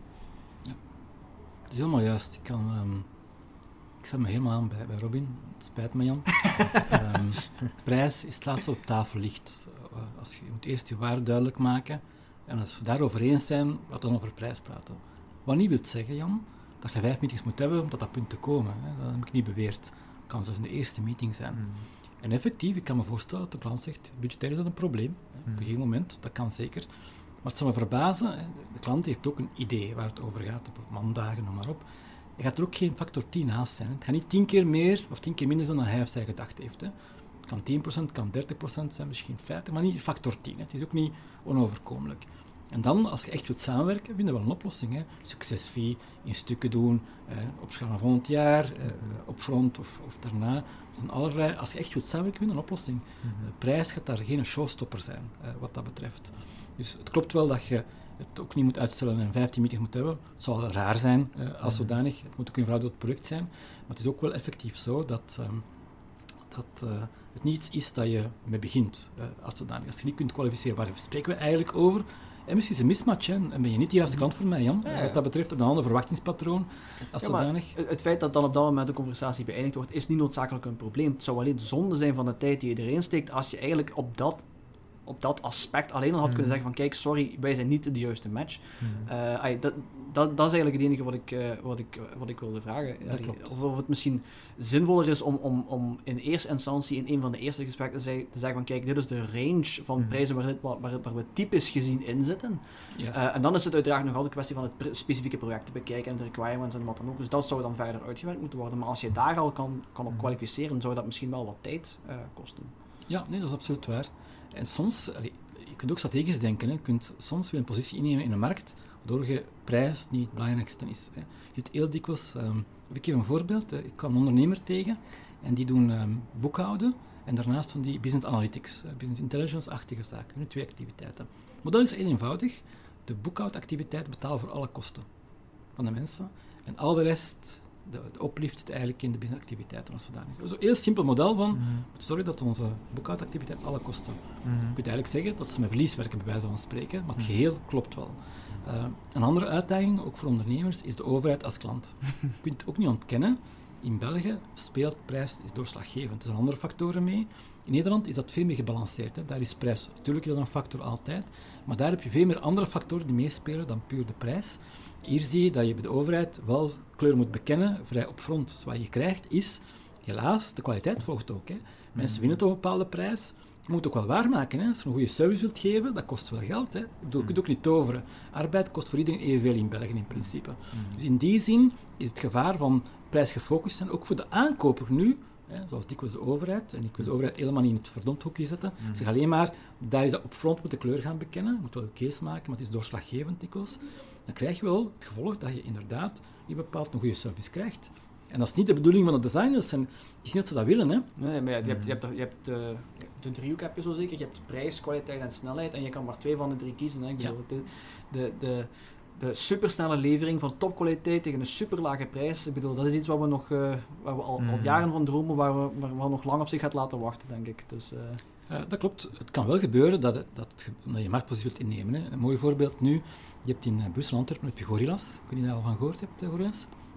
Um, maar als je dus woont in het centrum Brussel of Antwerpen, dan kun je vandaag boodschappen laten leveren. Een app, Gorillas. Mm. Gorillas, ja, meervoud. En binnen, houd u vast, de 10 minuten staan die aan uw voordeur. Gemiddeld 7 minuten. Dus die komen een fietsje af. Hè. Dus die hebben verschillende uh, darkstores, heet dat, in het centrum van Brussel, Toekowacht, denk ik, in Antwerpen. Dus alles binnen 10 minuten range. Uh, en je betaalt 2,5 euro voor levering. De prijs is evenveel als een gewone winkel. Hè. Dus het is niet duurder, ze hebben 800 producten of zo mhm. die dat ze kunnen leveren. Nu, als het te laat zijn, als ze niet binnen 10 minuten er zijn, hè, je zit s'avonds in je zetel, je zit Netflix aan het kijken en je wilt nog een biertje en wat chips erbij, boef, app, 10 minuten zijn daar. Hè. Je slogan is, sneller dan jezelf. Ah ja, want als je jas moet aandoen, naar buiten moet gaan, dan nachtwinkel, je dacht, er zijn zelf bij je voordeur, hè. ze zijn rapper dan jezelf. Nu, natuurlijk, dat model is duidelijk, met 2,5 euro gaan ze er niet geraken. En als, je, als ze te laat zijn, wat kan gebeuren? Het is wel met de fiets, dus er zijn geen files, maar bon, het kan. Dan moet je niet betalen voor 2,5 euro. Hè. Dat is het idee. De enige reden waarom ze het doen, is vandaag om marktaandeel te veroveren. Ja, ja, Heel snel overal Het is een Duits bedrijf, Berlijn, is 2,5 oud, is een unicorn, is dus meer dan 1 miljard waard, hè. dus extreem jong. Maar het idee is van, we gaan vandaag, iemand betaalt die rekening, namelijk investeerders. Iemand, dus je eet chips en bier drinken, gesponsord door kapitalisme. Wat op zich heel leuk is, vind ik. Van, ah, oké. enjoy, enjoy your free meal bijna, of free delivery. Maar natuurlijk, het, hele idee is, we gaan zo groot gaan worden. In Europa gaan we al die steden gaan nemen. En dan heb je volume, dan kun je beginnen, bijkopen, enzovoort, enzovoort. En effectief, het is wel handig. Hè? Ik heb brood vergeten, ik ga het deliveren. En als je dan voldoende densiteit hebt, ben je er vertrokken. Dus tussen nu en dan, pak een marktpositie. Prijs is daarvan secundair belang. Mm. Zodat iemand erin gelooft, investeerders. Mm. Hè? Helaas, in België zijn ze kortzichtiger dan bijvoorbeeld in Silicon Valley. Horizon in, uh, in Vlaanderen is twee jaar, cashflow positief, twee jaar. Pas op, nuchtere gezondheid is ook oké. Silicon Valley is tien jaar. Hè. Bedrijfbouw dat tien jaar verlieslatend is, is moeilijk in Vlaanderen, maar het kan wel in Silicon Valley, blijkbaar ook in Berlijn, of in Londen of in Parijs. En het idee daarachter is van, prijs is niet van belang, marktpenetratie is de nummer één. Dat gebeurt, dat is gewoon strategie natuurlijk. Mhm. Maar weet, iemand moet de rekening betalen. Mhm. Altijd. Mhm. Sowieso. Ehm wil dat dan ook zeggen, hè, want we hebben het nu over hoe snel communiceer je je prijs, wil dat dan ook zeggen dat je je prijs best op voorhand niet op je website zet? Of is dat, is dat, is dat iets wat je in bepaalde omstandigheden bijvoorbeeld wel kan doen? Ik denk dat dat heel afhankelijk is ehm, van, van een paar zaken. Enerzijds ehm, heeft dat al te maken met het, het, het aanbod zelf, het product of de dienst zelf. Ik ben zo van mening, ja, als, als het een, een vrij goedkoop product of vrij goedkope dienst is, dan zijn mensen ook al veel meer gewoon om dat soort bedragen online te zien. Ja, als we kijken naar, naar, naar webshops, dat toch al helemaal ingeburgerd is, dan zou het vreemd zijn dat daar geen prijzen online staan. Dus eigenlijk alles dat vrij betaalbaar blijft, is wel, wel oké als dat online staat. Ik denk vooral dat we wat meer moeten gaan kijken van eh, wat doen we bijvoorbeeld met prijzen van soorten maatwerk. Dat lijkt mij nooit een goed idee om dat online te zetten. Want dat wil zeggen, eh, ik maak meubelen op maat. Eh, als ik een prijs op mijn website zet, maar ik moet voor jou een meubel maken, ja, je gaat eigenlijk altijd een andere prijs moeten gaan betalen dan wat ik op mijn website had gezet, want het is op maat. Hè, dus je hebt andere materialen in gedachten, andere afwerking, eh, andere formaten. Dus dat, dat klopt gewoon niet. Dan kan je gaan redeneren, ja, misschien werken met een vanafprijs. Dat kan werken, ehm, maar dat brengt soms wel wat negatieve emoties met zich mee als die werkelijke prijs daar weer te hard van afwijkt. En dan zitten wij nog met de derde situatie. Ja, we hadden lage producten, we hadden maatwerkproducten en wat met ehm, producten tegen een hoog tarief. Dan denk ik dat we wat moeten gaan, gaan redeneren van ehm, hoe zit het met onze toestroom van leads. Als wij enorm veel leads al hebben, kan de prijs online zetten een soort van filter zijn, waardoor dat wij minder één op één verkoop moeten aangaan en dat dat eigenlijk al een filter wordt om nieuwe mensen binnen te krijgen. Maar als wij een heel beperkt aantal leads hebben, dan lijkt mij de kans veel groter om één op één de interactie aan te gaan in verkoopgesprekken. Dus eigenlijk de prijs nog niet te tonen en pas eigenlijk in een latere fase, na een verkoops op het einde van een verkoopsgesprek, want dan kunnen wij mensen al wat sneller overtuigen. Ik geef soms het voorbeeld van stel een product kost 2000 euro, maar iemand met 1800 euro komt op de website terecht. Als die 2000 euro daar staat, gaat die persoon al sneller redeneren van goh, is toch wel te duur voor mij. Maar stel die prijs stond daar niet, gaat een één op één verkoopgesprek aan, dan kunnen wij die persoon misschien nog net overhalen om toch nog eens zijn eigen financiële situatie te herbekijken om iets meer 200 euro te gaan investeren. Maar ik denk dat het ook heel sectorafhankelijk is. Stel, ehm, we zitten in een competitieve markt, iedereen zet zijn prijzen online en ik niet. Wat gaat daar een logisch effect zijn? We worden automatisch minder overwogen, omdat mensen heel gemakkelijk online konden vergelijken. Dus ik denk dat het heel veel nuance heeft, die vraag. Ja, ik, de, vraag, de reden dat ik het vooral vraag is als je bijvoorbeeld, je hebt tegenwoordig heel veel van die websites, gelijk bijvoorbeeld Upwork hè, eh, of Fiverr. Fiverr is nu misschien een slecht idee, omdat dat vooral de extreem lage prijzen zijn. Eh, maar je hebt bijvoorbeeld heel veel websites waar zelfstandigen en freelancers hun, hun diensten aanbieden en dat, je ziet daar ook gewoon de prijs bij staan. 70 euro per uur, 65 euro per uur, wat, weet ik veel wat dat is. Hmm. En, en langs de ene kant, iedereen doet het, dus je doet het ook. Langs de andere kant, allee, je- krijgt vaak ook niet de kans om het verkoopsgesprek aan te gaan waarin dat jij jouw meerwaarde kan bewijzen. En ja, dat, dat- ik weet het niet. Ja. In zekere zin, ik denk als je, als je hoge pricing hebt, dan kan het een goede filter zijn, want uiteindelijk eh, hoge prijs eh, indikeert, eh, of is een indicatie van een hoge kwaliteit. En in die zin, eh, mensen die daarvoor willen gaan, die gaan dan sneller bij jou terechtkomen. Anderzijds, als je in de middenmoot zit eh, en mensen die, die hebben een lager budget, gaan die sowieso bij jou niet terechtkomen, ga je die kansen gewoon niet krijgen. Dus het is een beetje een mes dat aan twee kanten snijdt, denk ik. Het is heel juist. Ik denk, ehm, in het voorbeeld van Upwork, ehm, klopt Jan, maar naast de prijs krijg je ook wel het aantal sterren en feedback dat je krijgt. Hè? ja. Dus het is niet zo dat puur de prijs is. Eh, je mag de goedkoopste zijn, maar als, er, als je aantal sterretjes laag zijn, Mhm. kan ik waarschijnlijk niet selecteren. Hè. Mhm. Fiverr is een ander verhaal trouwens. Hè. Dat moet ook niet aanwezig zijn, daar heb ik te zoeken, denk ik Jan. Ehm, maar ik, ik, ik denk wel dat je kunt zeggen van, kijk, voor mij is een verkoopskanaal effectief Upwork. Hè. Geef toe, krijg dan ook leads binnen, hè, dus je kost of sales lager. Dus ik kan wel objectief begrijpen dat je daar bijvoorbeeld competitiever wilt zijn. Uh, op dat kanaal, je moet dan een stuk commissie afgeven, 20% of zo vermoed ik. Maar op andere kanalen dat bijvoorbeeld niet wilt gaan doen. Hè. Dus het is niet zo dat je per se één kanaal wilt gaan doen. En twee, niks houdt je tegen, eens dat je een klant hebt, om op dezelfde cross-sell relatie aan te gaan op lange termijn. Hè. Dus je kunt ook zeggen, Oprook is voor mij een manier om iets te genereren, te leren kennen, maar eigenlijk is mijn toegevoegde waarde veel later in het proces. Hè. Dus je moet goed, heel goed weten uh, dat je de, in jouw go-to-market strategie, in jouw prijsstrategie is, welke bouwblokken wil ik en wat wil ik gaan bereiken daarmee. Ja. Dat is eigenlijk de achtergrond daarin. Um, als je het probleem hebt van, hè, het is volume versus value discussie uh, voor een stuk, um, Navarro Perta, uh, management consulting, specifiek, gaat de prijzen nooit op de website gaan zetten. Maar je kunt wel rekenen, hè, dagprijs nu ook niet dat je daar factor 10 haast zult zijn. Uh, dus dat is een value approach. Maar als je het probleem hebt dat je honderden leads per dag gaat krijgen, je moet altijd gaan beantwoorden met standaard e-mails, heeft geen zin. Hè. Mm Je kunt het perfect gaan zien. In software zie je dan de, de, de basisversie, zie je de prijs. Maar wil je een enterprise versie, dan willen we weten wie je bent. Ah, ben je IBM, 200.000 medewerkers, krijg je een andere prijs, dan ben je de, de roodgieter om de hoek. Hè. Dat is ook de bedoeling daarvan. Hè, dat je Zou eigenlijk... hopen van wel, ja. ja, dat is ook zo. Hè. Je wilt ook gaan inschatten. Dus daar wil je eigenlijk zorgen dat je geen tijd verliest, maar allerlei leads, dat je geen tijd wilt insteken. Hè. Als jij op Upwork elke dag 20 aanvragen van stukje een voorbeeld van je werk, kun je een keer dat eens gaan proberen. Dat hoeft ook niet. Hè. Dan zeg je, weet je, ik kan mijn prijs omhoog zetten, heeft geen zin. Um, trouwens, daaraan gelinkt, zo, je hebt, zo jarenlang kregen van die Nigeriaanse e-mails. Hè. Mijn tante is overleden, weet je nog? Ja. En ik heb me altijd afgevraagd van, hoe komt dat er zoveel fouten in staan altijd? Ik bedoel, een kind kan zien dat dat fake is, hè, dat soort ja, van mails. Ja, maar Microsoft heeft een onderzoek gedaan, Microsoft naar uh, spam-e-mail, Outlook. Wat blijkt, dat is by design. Ze willen gewoon vermijden dat mensen als wij daarop ingaan, dat ze heel veel tijd gaan verliezen in hun pipeline en na drie keer zeggen, ah ja, ik heb het door dat dat, dat fake is. Dus eigenlijk is het is een debiele filter. Hè. Dus mensen die daar nog op ingaan, als je nog altijd op ingaat, ondanks alle taalfouten, bon, dan maakt je een hele goede lead. Hè.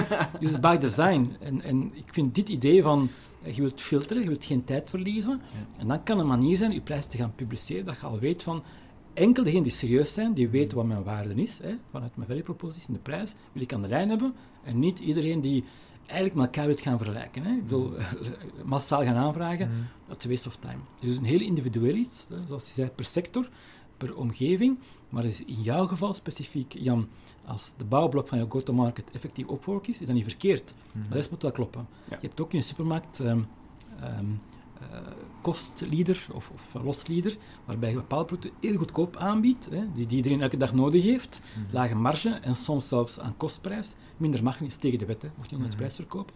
Puur omdat je weet, dat trekt mensen aan, maar ik ga wel mijn boterham verdienen door alle andere jongens en alle andere zaken die we aan het verkopen zijn. Hè. Dat is krijg hetzelfde. Op zich, dat één product zeg je, tja, dat is wel raar, hè, ik heb er geen geld mee, maar in het geheel van hun go-to-market, mm. it makes sense. Hè. Dat ja. kan voor jou ook zo zijn.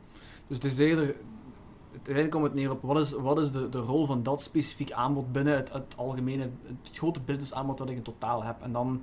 afhankelijk van hoe dat je het uiteraard doet en, en welke prijs dat je, dat, je, dat je aanbiedt, want dat is mm. uiteraard ook belangrijk, dan kan het wel nodig zijn. Hè. Ja, mm. um, bijvoorbeeld, terwijl we nu aan het praten zijn, ik kan me voorstellen dat je een lage prijs zet op Upwork.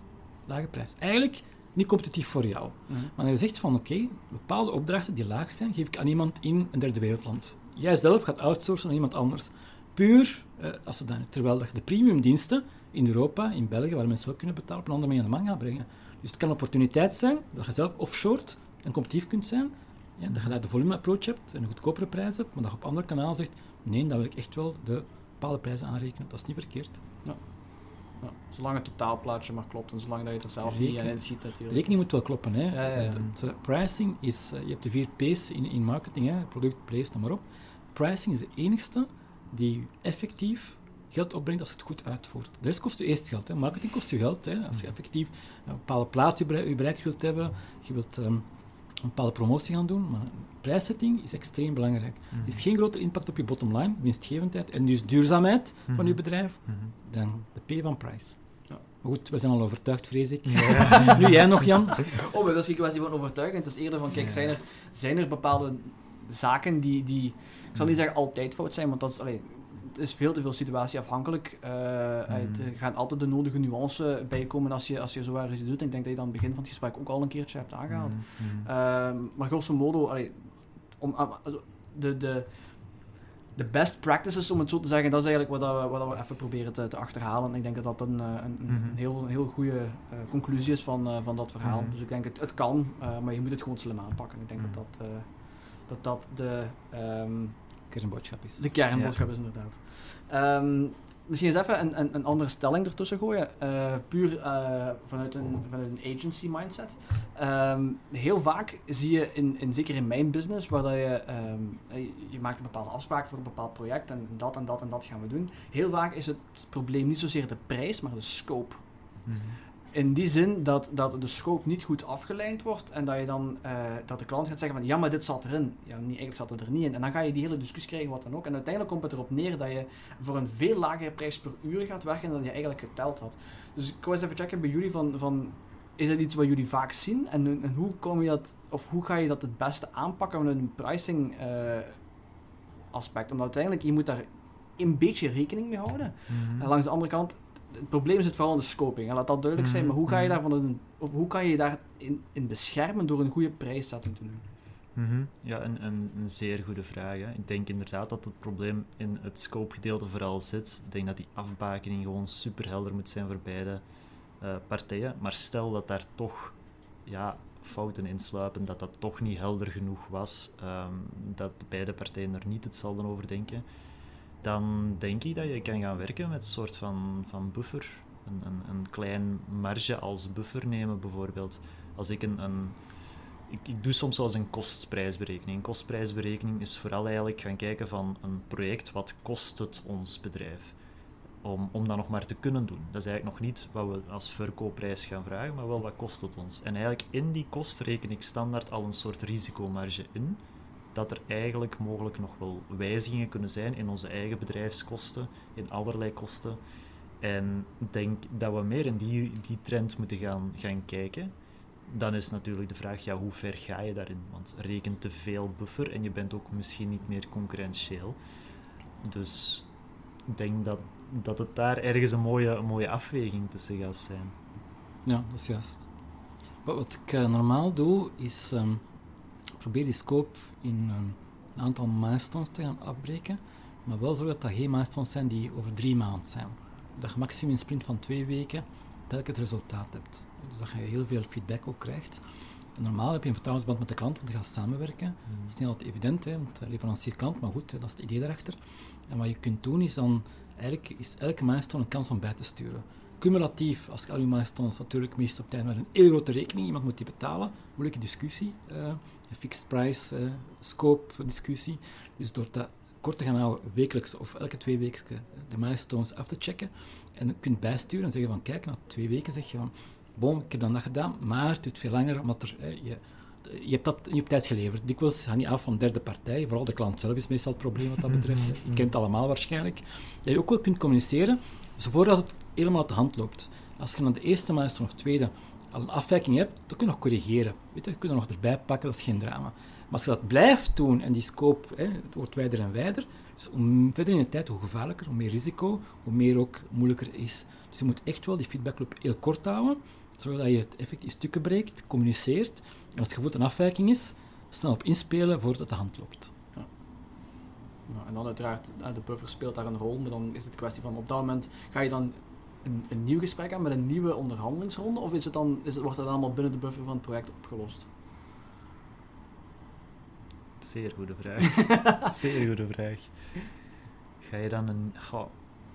Ik denk dat het, dat het voor de samenwerking niet zo fijn zou zijn om te vaak prijsgesprekken te hebben. Dus ik denk dat daar op voorhand gewoon heel duidelijk afspraken moeten rondgemaakt worden. En dan, zoals Omar zegt, gewoon die, die korte opvolging en die kortere op, opleveringen. En stel dat je afwijkt, ja, dan. Misschien moest dat al afgesproken zijn. Wat als we afwijken? Ja. Ja, dat is uiteraard niet, dat is niet iets wat de klant graag gaat willen horen, denk ik dan. Mm, Nee. Maar het is ook niet je job om dingen te zeggen die de klant graag hoort. Hè? Nee, nee dat is waar. Hè? Um, ik denk wel, weet je, het, um, het is altijd een afweging dat je maakt. Hè? Eerst en vooral is dat een klant die terugkeert of niet, repetitief, uh, als zodanig. Is dat een one-off-achtig iets? Hoe is de relatie met de klant? Uh, hoe gaat dat uiteindelijk? En je moet proberen fair te zijn als zodanig. Misschien doe je de appel in twee. Hè? Bedoel, je moet niet altijd eenzijdig van ja, maar ik kan een uur doen. pas op, advocaat doet dat wel en niemand die... het kan ook, hè. Maar is dat dan wat je wilt doen? Ik denk het ook niet. Ik denk dat je een afweging maakt als zodanig, zolang dat je heel vroeg corrigeert, en niet in geld uitgeven, maar in tijdspannen, want daar gaat het uiteindelijk over, maandagen, een dienst die je aanbiedt, kun je eigenlijk de bloed met de buil pakken. Dat is geen drama. Hè. Misschien kun je dan andere dingen van inkorten, whatever. Ik snap ook wel, weet je, bedrijven hebben graag, bedrijfsleiders, ons publiek hier, hebben graag ook budgetplanning. Dus het is niet dat ze u het niet meer vinden, maar ze zitten een forecast zit erin, ineens kom je af. Maar als iedereen afwijking heeft, heb je niet meer duurzaam. Hè? Dus ik heb wel begrip aan de kant van, van de andere kant. Alleen die voorspelbaarheid, die fixt uh, zodanig, is natuurlijk een probleem als het, als het zover komt. Het is veel belangrijker dat je scope eerst scherp houdt dan dat je probeert om meer te gaan verkopen. Dat is op zich geen doel. Maar je maakt uh, in het Engels judgment call, afhankelijk van de klant, omstandigheden, uh, de fairness van de twee kanten, appel in twee of absorbeer je. Maar als het vroeg genoeg gebeurt, is dat nooit onoverkomelijk. Je buffer kan het aan, je kunt een tandje bijsteken of niet. Maar het is echt een judgment call afhankelijk van het scenario waarin je zit met een bepaalde klant, project, afspraken en de toekomstpotentieel. Ja. Oké. Uh, Robin, je zei daar net al van, kijk, niet te vaak pricingsgesprek doen met klanten. Uh, ik kan me daarin uh, in, in, volgen. Um, hoe zit het dan met als je je prijs gaat verhogen? Want zeker als freelancer is dat iets wat redelijk, of, ik zal niet zeggen redelijk vaak, maar wat af en toe eens naar boven kan komen. En als, als bedrijf, start-up, kan dat ook wel eens af en toe eens gebeuren dat je zegt van kijk, nu gaan we om die of die reden onze, onze prijs verhogen. Hoe, hoe pak je zo'n gesprek het beste aan? Is, dat, uh, is daar een bepaalde strategie voor die meestal werkt? Ja, ik, ik, zei, ik zei inderdaad van hè, niet, niet te veel prijswijzigingen doorvoeren of niet te veel prijsgesprekken. Um, Omar zei, zei in het begin van, en typisch is dat bij een bedrijf zo één keer per jaar dat men zich daaraan zet. Maar eigenlijk denk dat we vooral die mentaliteit wat moeten moeten loslaten en dat we eigenlijk prijszetting doorheen de tijd vaker moeten gaan evalueren. En ik denk vooral wanneer we evalueren, dat we het dan degelijk moeten wijzigen. En niet met, met kleine beetjes, dat we eigenlijk nog altijd jaarlijks twee keer per jaar prijswijzigingen hebben. Want eigenlijk een prijswijziging, geen ene klant heeft dat echt graag. Hè. Dat, is, dat gaat altijd wel wat weerstand opkomen. Uh, sommigen vinden het wel eens terecht, maar jaarlijks of twee keer per jaar prijswijzigingen, dat gaat klanten gewoon niet graag, niet graag hebben. Dus dan ben ik van mening dat, dat die, die prijszetting gewoon doorheen de tijd vaker geëvalueerd moet worden, vaker opgevolgd moet worden. En dan, wanneer het tijd is, omdat er iets echt moest veranderen of moet veranderen, dat we het dan degelijk wijzigen. En dat we dan ene keer weer de prijswijziging gaan, gaan aangaan. En hoe, hoe pakt je die gesprekken aan? Ook heel moeilijk. Hè. Um, ik probeer eigenlijk dat meestal wat aan te pakken door, um, door een soort van ja, te communiceren in meerwaarde opnieuw. Daar hebben we het vandaag al een paar keer over gehad, maar je kunt eens de vraag stellen van is er in de afgelopen tijdspannen, hoe lang dat die ook is, is er niet meerwaarde gecreëerd? Um, wat we vroeger deden tegenover hoe dat we het nu doen, welke voordelen heeft de klant daarbij? He, bijvoorbeeld gaan, ja, gaan, gaan kijken van uh, misschien zijn we zelf wel efficiënter gaan werken. Is in het voordeel van de klant. Dus eigenlijk die, die brug was slaan. Van kijk, als wij um, meerwaarde creëren tegenover vroeger, um, dit zijn de voordelen dat jij als klant daarbij hebt. En daarom uh, gaan we eigenlijk daar de nieuwe prijzen voor hanteren. Dat verzacht de pijn, maar de pijn zal er nog steeds zijn. Je zegt, langs de ene kant zeg je, je moet vaker de prijs gaan herevalueren. Langs de andere kant zeg je, niet te vaak de prijs veranderen. Wat is dan de meerwaarde van de prijs te herevalueren als je toch niet, niet vaak verandert? Intern evalueren zorgt ervoor dat je het, het heel nauw vasthoudt. Dat je op de hoogte bent van wijzigingen binnen jouw bedrijf. Als we bijvoorbeeld kijken, uh, een belangrijk aspect binnen het hele pricing gebeuren gaat, gaan uw eigen kosten zijn. Mhm. um, bijvoorbeeld uw eigen kosten opvolgen is eigenlijk iets dat je best heel goed opvolgt. Constant, dat je dat goed weet, uh, wat uw kosten zijn ten allen tijde. En als er daar grote wijzigingen gaan gebeuren, dan moeten we dat ook heel snel weten. Um, dus we kunnen vooral intern vaak gaan evalueren.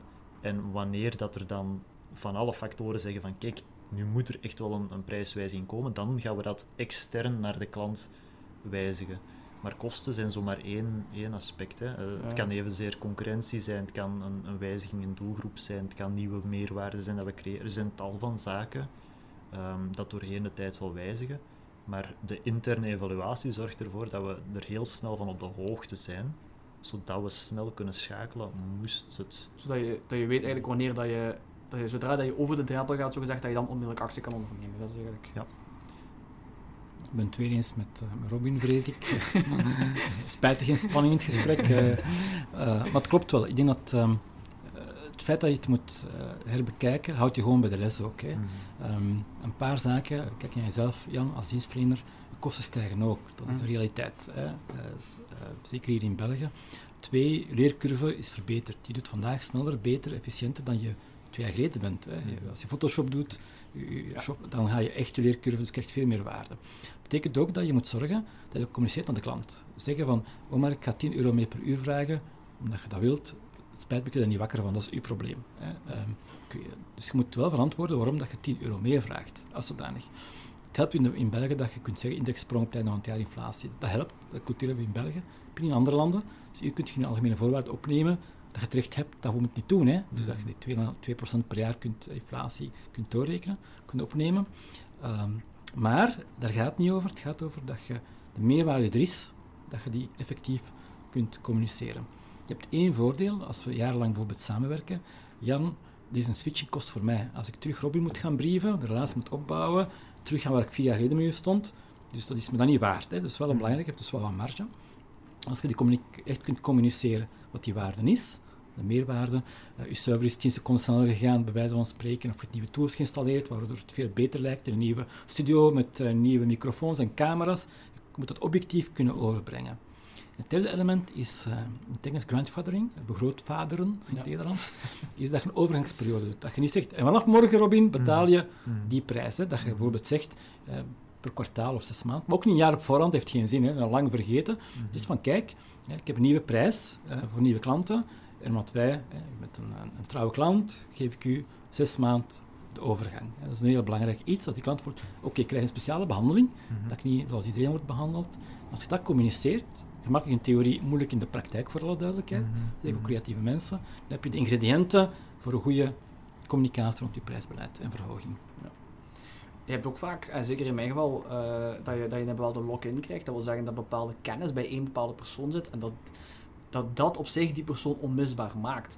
Um, om die reden uh, kan het zijn dat een, een, een klant uh, niet lang moet nadenken over een, een, prijsverhoging, maar dat is niet iets wat je als argument kan, mm. kan aanhalen. Want zeggen, jij kunt toch niet zonder mij, dat mm. lijkt mij een risico.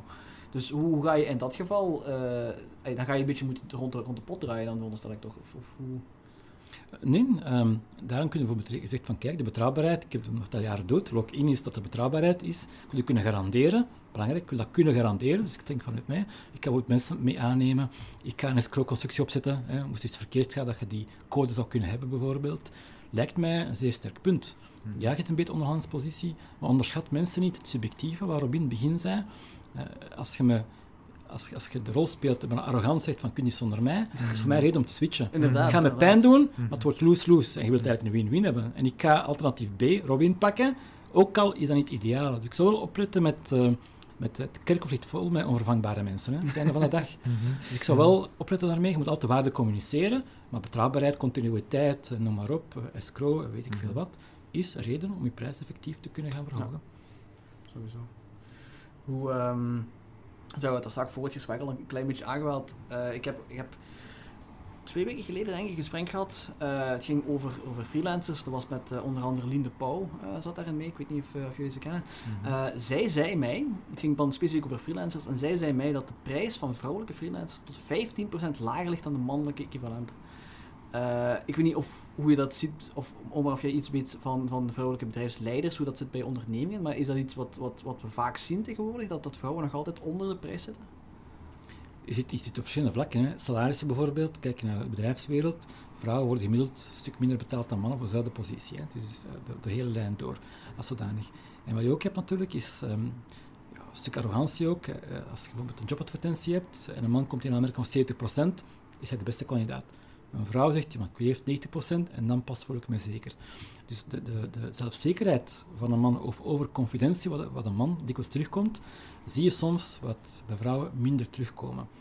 terwijl in essentie zie je dat meestal vrouwen een betere job gaan doen, die verantwoordelijkheid pakken dan mannen. Dus eigenlijk zouden ze meer moeten gaan vragen. Mhm. Maar je hebt absoluut gelijk, en, en misschien Robin kan, kan daar beter op ingaan, want je hebt, een, je hebt ook een vrouwelijk publiek, denk ik, in mhm, jouw mhm. klantenbestand. De techwereld is vooral mannelijk gericht wat dat betreft. Maar ik vind het zelf wel problematisch. Ik vind het ook heel erg spijtig dat mensen zelf onderwaarderen wat dat betreft.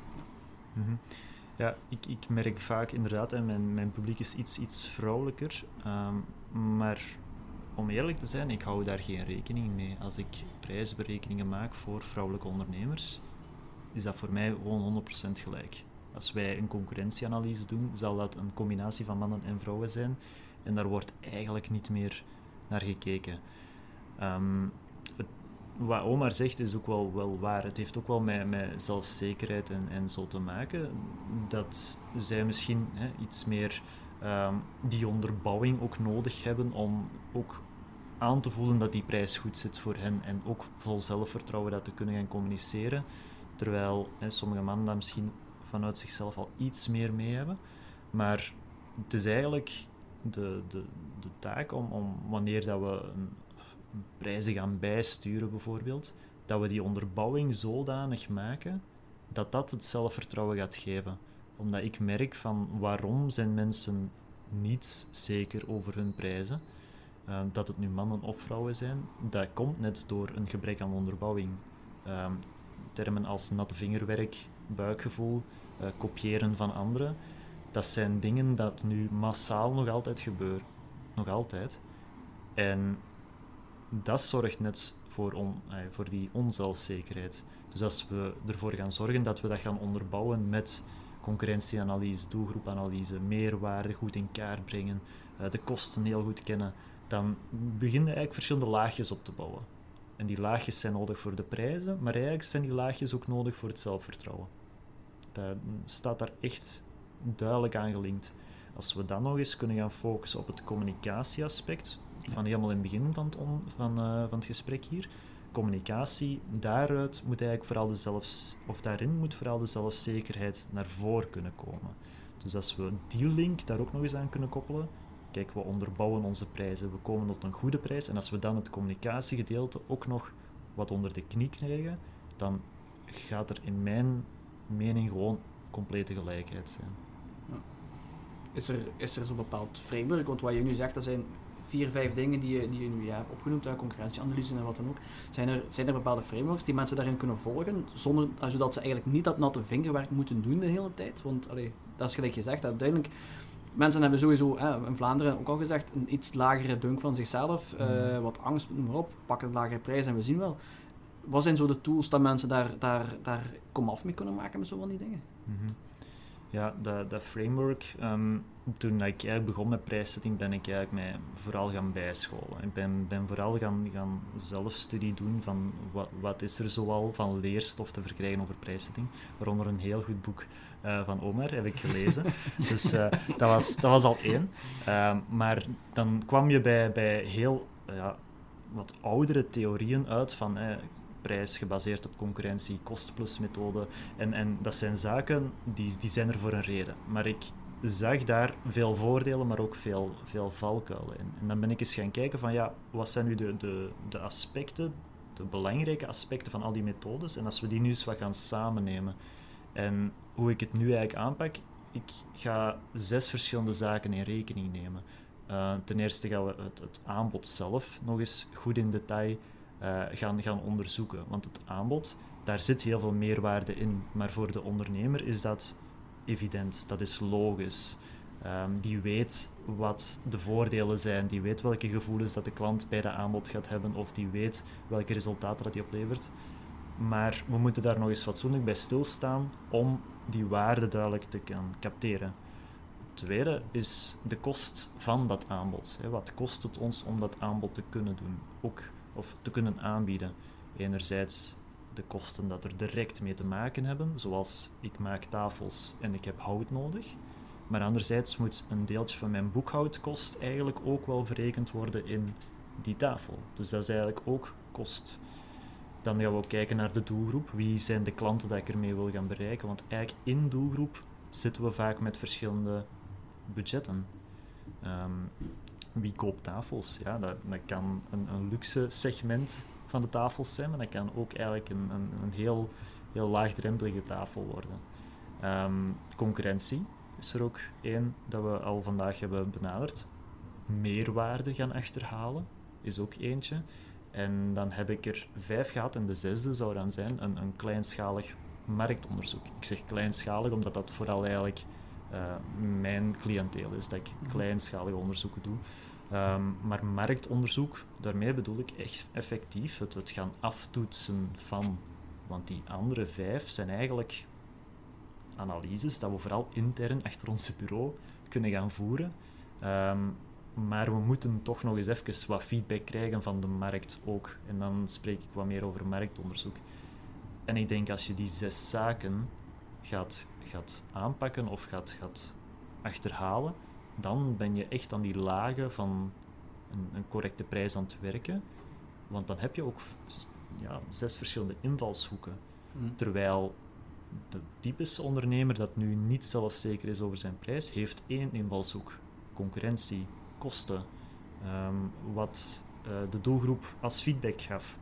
Dat zijn invalshoeken, maar ik denk dat verschillende invalshoeken, daar zit heel veel sterkte in. En dat is eigenlijk ook hoe dat ik het probeer te benaderen. Ja.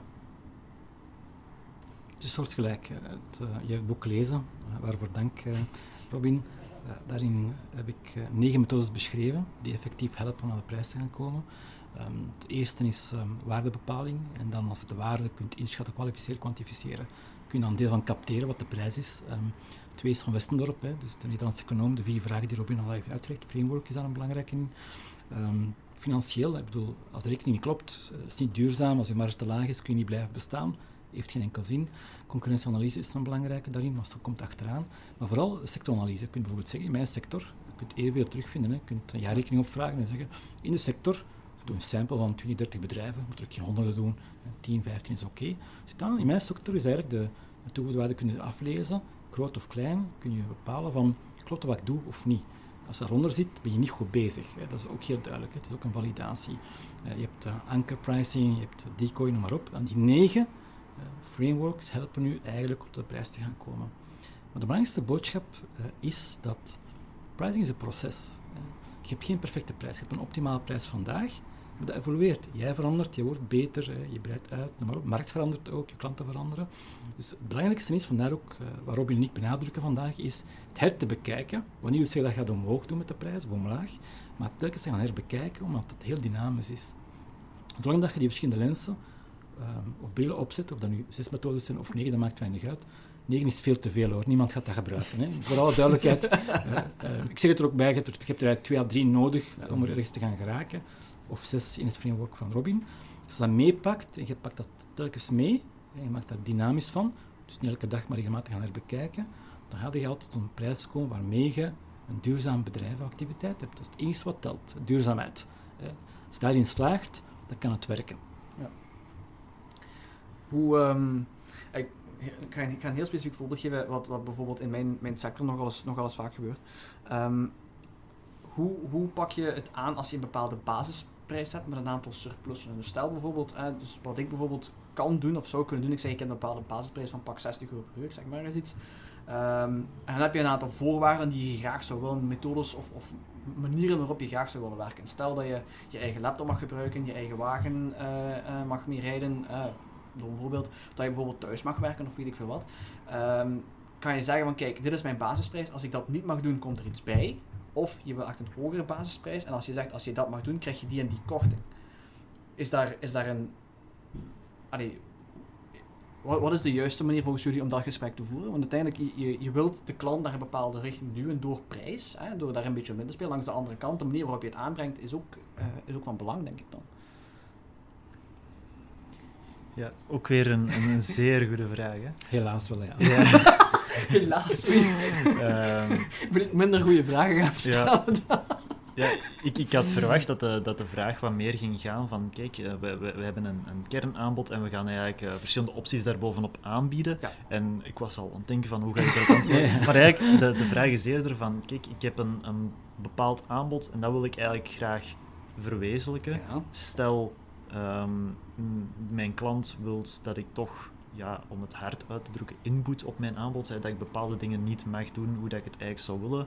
Ehm, daar komt eigenlijk een meerprijs tegenover. Dat is eigenlijk wat dat je daarnet Hm. zei. Ik denk dat dat wel mogelijk is, maar ik, eh, ik ben daar nog niet vaak tegengekomen, Nee, nee, maar- ik zal het zo zeggen. Geen enkel probleem. Ja, ik weet dat, hoe ik het meestal altijd gedaan heb, is, is eh, ik, ik begin met de hogere prijs en dan, als, je dat en, als ik dat en dat mag, dan ga ik lager. Ja. Omdat dat in mijn hoofd, dat dat psychologisch speelt van, ah, ik kan, ik kan een goedkoper tarief Mm. krijgen. Langs de andere kant, we hebben het vandaag al gezegd, prijs is niet altijd waar je op moet spelen, dus misschien is dat Mhm. niet de beste methode. Het is daarom dat ik eens een keertje wilde toetsen met hoe jullie daar, daar tegenover Mhm. staan. Juist de aanpak. Wa- Wat je zegt klopt. Als je begint met een lage prijs, dan heb je een klant verankerd op die lage prijs. Dan zeg je, maar komt van alles bij. Als je zegt van, kijk, ik heb die prijs, dan weet je wat verwacht. En vooral duidelijkheid, voor wat jij doet, is prijs een proxy van kwaliteit. Hè? Dat is belangrijk. Dus het geeft ook in dat je iets levert en een bepaalde waarde hebt. Maar je bent bereid, onder bepaalde omstandigheden, effectief te gaan laten zakken. En wat mij betreft is je core price is de harde stuk en je hebt dan de zachte kant. Want wat je eigenlijk vraagt, kost me meestal niks. Een dag thuis te werken, kost me eigenlijk niks. Nee. Eh, een referentie opgeven voor jou, voor nieuwe andere klanten, kost me eigenlijk niks. Die zachte zaken kunnen altijd over onderhandelen. De harde zaken zijn een given natuurlijk. Hè. Dus ik denk dat jouw aanpak en jouw natuurlijke reflex om, begin daarmee, priming met een bepaalde prijs en dan krijg je korting op, veel beter is dan het omgekeerde te gaan doen en proberen om te gaan omhoog trekken. Want het zijn maar zachte voorwaarden. Het is niet een dealbreaker, hè, dat je een dag mocht thuiswerken of, of je een, auto pakt of niet. Dat is ook een kost voor mij als bedrijfsleider. Hè. Of ik een kilometervergoeding geven of een auto, eigenlijk maakt dat voor mij niet veel uit. Daar kunnen we over praten. Mm. Dus ik vind wel, allee, jouw, jouw invalshoek, it makes sense. Oké, top. Dan ben ik niet verkeerd bezig. Bevestiging. Ja. Ja, nee, maar ja, allee, weet je, dat zijn zo van die dingen. je- Vaak, eh, we hebben vandaag nog al gezegd, buikgevoel komt tot op zekere hoogte terug, maar hoe, ik heb nog nooit in een andere richting gestaan, een andere eh, de kant van de medaille. Dus hoe dat het bij mensen aankomt, weet ik vaak niet. Eh, dus dat is altijd een, het blijft een beetje een gok. Ja, dus, hoe hebben ze erop gereageerd tot nu toe? goh, ik heb het gesprek nog niet zo heel vaak moeten voeren. en, en doorgaans, doorgaans valt dat wel te bespreken allemaal. Eh, nu zeker met corona. Voor mij gaat het dan voornamelijk over het feit dat ik niet naar Brussel wil rijden met de wagen. Eh, ik heb geen zin om twee uur enkel in de auto te zitten. En, en, eh, dus dat is voor mij het voornaamste. En al de rest kan over gediscussieerd worden. Dus op, dat gebied dan durf ik nog wel eens wat, wat, wat hoger te zetten. Ik heb het gelukkig nog nooit echt moeten doen. Ehm, ja, maar meestal zit er ook een, een, recruiter tussen die dan ook weer zijn commissie wil krijgen op, op het hele. Het, Hmm. het, is een, het is een hele kluwen van van alles. Hmm. Ehm, maar ja, goed, het is, eh, het is moeilijk af en toe. Ehm, Per definitie moest het gemakkelijk zijn dan... Ja. Tuurlijk, tuurlijk, tuurlijk. Nu, misschien om even daarop verder te gaan. Hoe, hoe, of wat denken jullie van het commissiemodel? Eh, is dat iets wat, wat... Of hoe pak je dat best aan, dat je, dat je die commissie berekent? Want uiteindelijk, je geeft een kleine, een kleine meerwaarde op basis van eh, een, een bepaalde prijs. Hè? Dus, Mhm. dus hoe, hoe bereken je dat het beste? En is, is, dat, is dat überhaupt wel een geldig businessmodel? Want uiteindelijk, commissie eh, kan... Jij kan een veel grotere dienst leveren. Of, de, de dienst is afhankelijk van het volume vaak. Eh, dus hoe, hoe pak je dat het beste aan? Is commissie succesfee of, of bedoel je een commissie of gewoon puur op commissie werken? Eh, een succesfee, inderdaad. Ja, dus in jouw geval, je hebt een dienst, je Ja. hebt een bepaalde prijs, maar bij succes wil je meer kunnen. Of, of Dus dat je bijvoorbeeld, eh, ik ga een voorbeeldje geven van, van de energiemarkt, hoe die tegenwoordig werkt. Dus zij, zij, eh, zij leveren een gratis dienst aan de consument. Ja, en per, per eh, contract dat, hij, dat zij aanleveren aan de leverancier, krijgen zij een bepaalde commissie voor, voor een, een, een, ja, een overdracht, eigenlijk, om het zo te zeggen. Dus uiteindelijk, zij leveren een gratis dienst, maar op performance worden zij eigenlijk betaald. Ja, dus gratis voor de, voor de consument, maar hun verdienmodel is dat iemand anders de rekening betaalt bij, bij het contract. komt. Ah, Ja. Oké, ja, ja. Dus puur commissiemodel. Helder? Ja, ik- de vraag is eigenlijk van hoe, allee, hoe kan je zoiets, zoiets winstgevend maken, omdat jij bepaalde vaste kosten, maar uiteindelijk afhankelijk van je volume eh, eh, is, is, de, is het de onderneming winstgevend. Het, het, eh, het is niet enkel volume, denk ik. Hè. Ehm, Jan, als je het bekijkt, pak bijvoorbeeld commissie op huizen. Hè. Dat is niet bepaald eh, voor een volumebusiness, maar Nee, het zijn wel grote bedragen. Ik bedoel, Ja. eh, eh, je grootste investering was wa- waarschijnlijk een huis. Ja.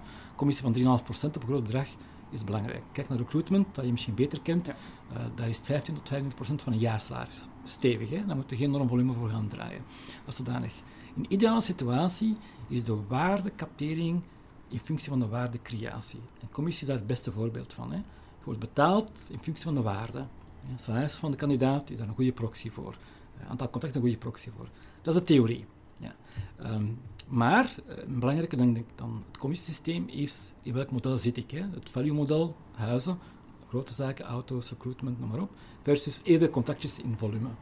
Bij, als je spreekt over volume, dan is vaste kosten belangrijk. Want het is een given, of je nu verkoopt of niet, je hebt vaste kosten. Hè, wat die ook mogen zijn. Uh, point of sales, een salesforce, mensen die rondrijden in een auto en bellen, afspraken maken, telemarketing. Dat is een given. Dus daar moet je wel zorgen dat je die volumes kunt halen om leefbaar en duurzaam te zijn. Hè, als zodanig. Terwijl bij huizen heb je dat probleem niet in volume. Je hebt wel, um, daar heb je het probleem van cashflow, want je moet tijd overbruggen. Verkoop niet een huis binnen 24 uur. kan hmm. misschien tegenwoordig wel, hè. corona is wel veranderd, maar normaal duurt dat drie maanden, zes maanden, whatever. Dus in die zin is commissie voor mij niet zozeer een, een um, vraagteken rond pricing. Ik denk, waardealignering is fantastisch. Eigenlijk zou het zo moeten zijn, hè. bijna heel Amerikaans eigenlijk, om het zo te zeggen. Um, maar is uw verdienmodel doorslaggevend om al dan niet een bepaalde prijs mee te rekenen? Betalingsvoorwaarden, stuk op voorhand of niet? Mm -hmm. um, wilt je hebben of niet? Belangrijk, hè? recruiter die begint te werken, vandaag nog vraagt u een retainer fee, hè? want ze weten dat ze effort willen doen. Ze hebben die kosten, ze gaan daar geen winst op maken, maar ze willen wel een stuk van die kosten gaan hebben. En het verdienmodel is daar meer doorslaggevend dan puur de prijs. Is dat wat duidelijk wat ik probeer te zeggen? Ja, ja, ja. ja. Dus ik, ik, ik heb persoonlijk altijd zoiets van, ik zou dat liever niet doen. Maar in principe, het hangt een beetje vanaf van, van de business die je, die je aanbiedt, uiteraard. Hè. Het hangt van de business af. Nu, in wat jij doet als dienst, of wat Robin doet en ik zelf doe, alle drie een vorm van consulting, zeg maar, hè, tot een zekere hoogte, is succesfee een deel daarvan een heel gevaarlijk iets. Ik heb weinig keren gezien waar het goed afloopt. Want als je die meerwaarde creëert als zodanig, mm dan, eh, in theorie klopt dat, kun je succesvol gaan hebben, dus een stuk fixed en een stuk variabel. Alleen ziet je de meerwaarde gecreëerd naar een bepaalde onderneming, mm is moeilijker om te delen en is meer vatbaar voor discussie. Dat is een scope-discussie onder juist, een mhm. beetje hetzelfde, maar dan nog in het kwadraat.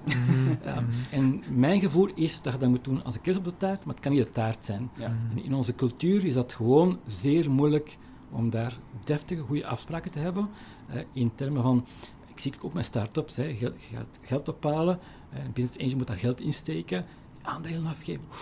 Mhm. Ehm, je pakt talent aan boord. Hè. Je zou kunnen zeggen dat ze een key persoon, bedoel, stel ik morgen een pricing agency wil op, op, uh, oprichten, wat ik niet van plan ben voor alle duidelijkheid, dan wil ik graag Robin aan boord hebben. Ik wil met zijn ervaring, dat toch fantastisch zijn, Jan. Oké, ik zou hem kunnen flink betalen en aan het werk gaan doen. Maar eigenlijk, als we eerlijk zijn, zou een deel een partner moeten worden, equity, whatever. Alleen zijn we daar gewoon heel... Ja, we, we hebben heel de neiging in Vlaanderen um, van eh, een lekkere kopcake voor mezelf. Terwijl je een cake moet maken die ook heel lekker is en je kunt gaan delen. Hmm. En dat delen is commissie, hmm. succesfees, hmm. ligt gewoon minder onze aard. In US is dat dus heel normaal. Autoverkopers puur op commissie. Mag je trouwens niet in België. Er zijn bepaalde zaken dat je niet kunt doen. In de UK heb je zero-hours contracten bijvoorbeeld. Hè.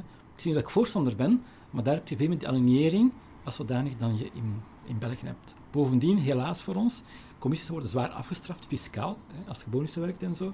Dus het hele maatschappij of fiscaal mhm. structuur is dan nu opgebouwd om eigenlijk mensen te gaan belonen en hebben ze liever op een andere manier gaat belonen. Mhm. Ja.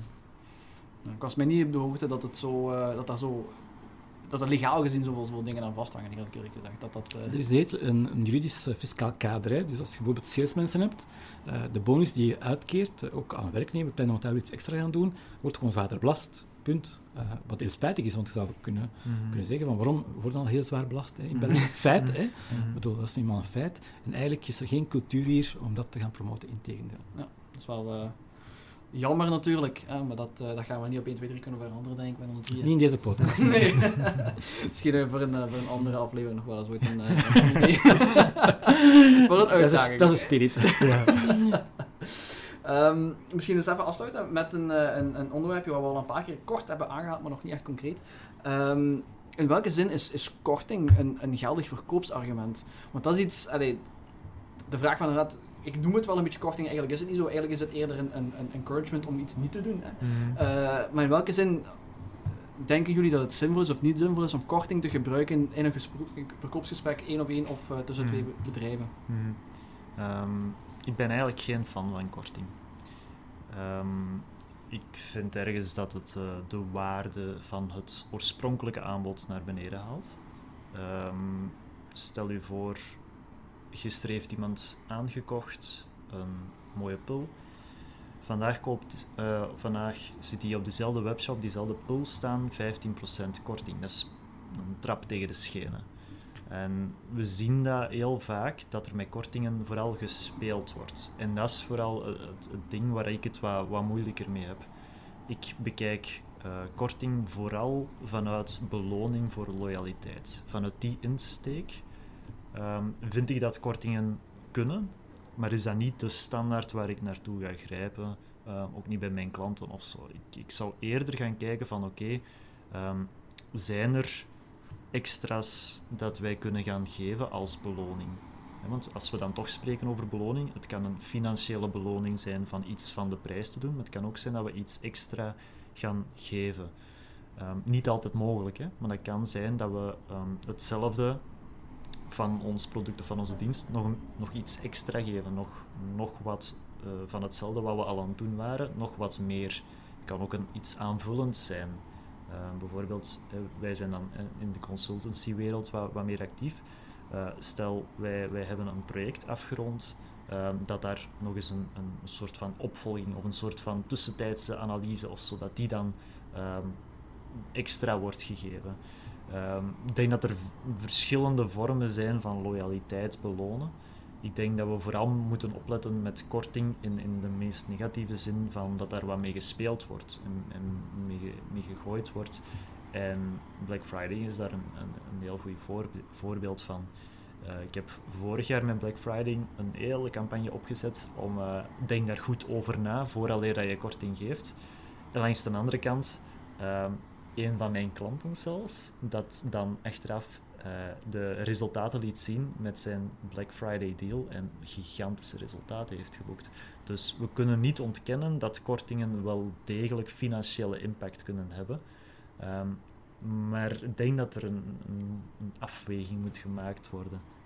Helemaal juist, Robin. Ik denk dat het uitgangspunt van korting uh, om korting te geven is gevaarlijk. Um, is geen probleem als ik geef korting, maar is dan een nieuwe prijs. Als het oké is voor u dat een nieuwe prijs is, per definitie, is dat prima. Maar dan geen korting meer, dat is wel een belangrijke. Maar, um, dat misschien nuanceren, en Robin zei het ook, het werkt wel. Hè. Black Friday is daar een mooi voorbeeld van.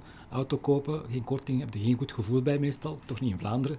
In onze cultuur verwacht toch korting op, de, op, zo'n, of, uh, op grote bedragen. Maar er kunnen wel redenen zijn waarom korting verantwoord is. Bijvoorbeeld, uh, je koopt een volume aan veel volume kan reden zijn om korting te gaan geven. Je lange termijn contracten. In jouw geval, een klant voor een week, een maand, of iemand die twee jaar wil tekenen, want dan heb je ook minder kosten, kost of sales, marketing enzovoorts, kun je objectief zeggen, oké, okay, fair enough om dat korting op te gaan geven. En misschien de belangrijkste reden voor korting is eh, cashflow. Als je eh, betalingsvoorwaarden. Ik denk we alle drie zijn we zelfstandig, denk ik, die hier zitten vandaag. Eh, je moet twee maanden op je rekening worden betaald, dus op het einde van een maand dan 30 en soms 60 dagen. Dat is niet niks. Hè? Dus als je kunt zeggen van kijk, ik wil binnen de maand worden betaald bijvoorbeeld, uh, of een retainer op voorhand, waardoor je een korting kunt krijgen, dat kan wel voor u een enorm verschil maken in de cashflow. Hè? Dus er zijn objectieve redenen om het te doen, maar als het uitgangspunt is per definitie korting, is een gevaarlijk uitgangspunt. Dat is gewoon een nieuwe prijs, als zodanig. Mm um, bovendien, als je dan toch doet, stuurt dan een factuur met de volledige prijs erop, minder tijdelijke korting. Want anders, de volgende keer zeg je, maar je prijs de vorige keer was die prijs. Iemand was toen speciaal, je was een nieuwe klant. Uh, ook geen discussies. Dus je, als je het doet, moet er hele goede redenen voor zijn. En als je, we zijn aan het onderhandelen, je bent, um, je bent uh, potentieel mijn leverancier, en ik vraag een korting en je doet het, dan zeg je tegen mij, is de boodschap, ah oké, okay, ik kan nog meer korting gaan vragen. Ik bedoel, de incentive is, ik kan nog meer, meer gaan doen. Dus je moet ook zorgen dat je iets terugvraagt. Bijvoorbeeld, um, kan heel soft zijn, want je wilt wel de klant gaan binnenhalen natuurlijk, dat kan ook belangrijk zijn voor jou, strategisch bijvoorbeeld, of een nieuwe sector. Bijvoorbeeld kun je zeggen, oké, ik ga de korting toekennen, maar de korting is tijdelijk, hè, per definitie. Dus het moet duidelijk zijn, het gaat over een week, een maand of een jaar, belangrijk dat je dat goed weet. Maar ik wil wel dat je referentie wordt, maar ik op je website zeggen, kan ik hem een code geven. Dat kost die klant niks, maar je hmm. wilt het ook niet gratis doen. Dus als je het doet, hmm. moet je eens tegenover staan. Ja. Is er verschil tussen een product en een dienst? Dat is een hele goede vraag. Ik heb er niet bij stilgestaan. Als ik nu luister naar Robin er juist, Black mhm. Friday is voor mij een heel duidelijk voorbeeld van dat daar een verschil is als mhm. zodanig. Mhm. Maar ik vermoed dat hele principes ook op diensten van toepassing zijn. Daarmee bedoel ik, je moet geen Black Friday doen voor uw diensten, voor alle duidelijkheid. uh, maar het kan wel zijn dat je bijvoorbeeld zegt van, uh, je hebt het ook eigenlijk aangehaald, van bepaalde voorwaarden, uh, één dag per week werken. Ik, bijvoorbeeld, ik kan me voorstellen, je zegt van, oké, ik wil nu werken, maar ik wil vanuit Portugal werken kostenvlieging is goedkoper, belastingen zijn lager. Er zijn eigenlijk geen nadelen, behalve ver weg zijn van familie en vrienden. Is zodanig. Niet elke klant wil daarmee meegaan. Maar degenen die het wel willen doen, kun je bijvoorbeeld een bepaald bedrag korting gaan geven. Je kosten zijn ook veel lager hè, Mhm. eh, als zodanig. Dus ja, korting speelt een rol in producten en diensten, maar ik heb het gevoel, maar het is gevoelsmaak, ik heb het niet onderzocht, dat er toch wel, ik weet niet wat jij denkt Robin, dat er wel andere mechanismes een rol spelen in de twee eh, dynamieken, zeg maar. Mm, Ik denk vooral dat er andere redenen gaan bestaan om, om korting te geven. Hè. Eh, hoeveelheid ehm, bij producten, eh, lange termijn samenwerkingen, is dat meer dienstgerelateerd. Dus ik denk dat daar de, nuances wat zitten. Ehm, ik denk wel dat in, beide situaties kortingen kunnen, maar zoals Omar zei, heel goede redenen voor hebben. Dat, we, ja, dat we helder zijn waarom dat er korting gegeven wordt en ook dat, dat we geen ja, andere klanten tegen de schenen trappen. Dat is, dat is de grootste vrees. Eh, en ik zie sommige mensen er wel tegen, tegen zondigen. En dan wordt er dat vaak ook nog eens op social media geuit en dan begint de bal... eh, Maar dat is dan vooral met producten, denk ik dan. Hè? Ja. Als, je, als je bepaalde producten korting gaat geven. Mhm, eh, allee, ik denk als je, dat, als je dat kan kaderen binnen een Black Friday deal of zoiets, dan zal dat nog wel meevallen. Eh, maar voor diensten ga je doorgaans, ah, gaat niet gecommuniceerd worden tussen klanten onderling, denk ik. Maar weet eens dan je denkt, hè. Jan, je moet, ik vind wel dat je moet fair zijn, ook naar je klanten, dat is ook waar ik benadrukt. Je moet wel kunnen uitleggen. Als je zegt van, kijk Omar, ik heb eh, Robin een betere prijs gegeven, want hij betaalt me vroeger, of, eh, of sneller, hè, is misschien juister, of hij heeft een lange termijn contract. Als je dat kunt objectief uitleggen, is er geen enkel probleem, want dan zeg ik, oké, daar kunnen we ook over praten. Dat is zelfs een hefboom om samen te werken. Maar de wereld is klein, dus als je het niet fair en objectief kunt uitleggen voor een stuk, dan maak je zelf wel, neem je gewoon een risico. En bij dienstverleners valt het wel voor hè, dat klanten onderling gepraat hebben. Hè, want eh, stel dat, jij een, een dienst bij mij afleent, eh, of eh, afneemt en je, je bent daar tevreden over en, en Omar had interesse in zo'n dienst en jullie praten daarover, ja, de, de kans dat er al eens iets van, van bedragen wordt vermeld, is niet onbestaande. Nee. Het gebeurt. En als dan Omar met mij in gesprek gaat en die hoort ineens een totaal ander tarief, eigenlijk voor net hetzelfde aanbod, ja, dan heb je net hetzelfde principe. Is het dan de facto beter om, wat beter eh, aan te raden, ik zal het zo zeggen, eh, om een, een hogere prijs als standaard te nemen en een aantal mogelijke kortingen eh, daarbij te geven? Of, of ga je echt op basis van, van de klant in je hoofd een beetje de, Mhm. de berekening maken van, ah oké, die en die en die, oké, dan is dat de prijs. Ik ben zo van mening van je je hoeft geen redenen te zoeken om korting te geven.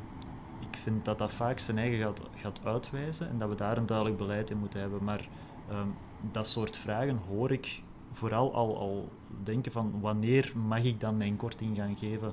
En, en daar zou ik mee opletten. Ik denk dat korting nooit standaard moet zijn en dat er gewoon wanneer dat bepaalde situaties zich voordoen en dat is logisch, dat we dan kunnen gaan kijken wat kan de korting zijn en dat daar een beleid in komt. Dat dat eigenlijk voor elke klant hetzelfde is als die situatie zich voordoet. Ja. Maar ga je het dan communiceren? Want gelijk je zelf straks zegt, eh, twee van mijn klanten gaan met elkaar praten en zeggen van kijk, eh, Ja. ah, waarom, heb- waarom heb jij die prijs? Als die klant dan kan zeggen van ah, hij heeft dat gezegd, dat is de basiswijs, maar om die en om die en die reden heb ik die goedkopere prijs gekregen. Ga je dan niet een beetje die discussie voorkomen? Of, of, of moet je dat zelfs niet communiceren naar de klant? Moet je gewoon zeggen kijk, dat is mijn tarief voor jouw situatie en, en daarmee klaar. Ik denk wanneer we over maatwerk spreken, ehm, kunnen wij eigenlijk altijd aantonen dat, dat prijzen gewoon niet gelijk hoeven te zijn. En maatwerk is maatwerk voor een reden. Ehm, dus dat, dat gaat dat eigenlijk al, al oplossen. Als Ja. mensen inzien van kijk, ehm, jouw situatie is anders en je kunt eventueel nog één stap verder te gaan met te zeggen waarom dat die situatie anders is. Ehm, puur qua wensen, qua, qua eindresultaten dat jij verwachtte, dan is dat eigenlijk al helemaal van de baan geveegd. Goedkoop is voor mij daarvoor niet geen kwaliteitslabel, in het Nee.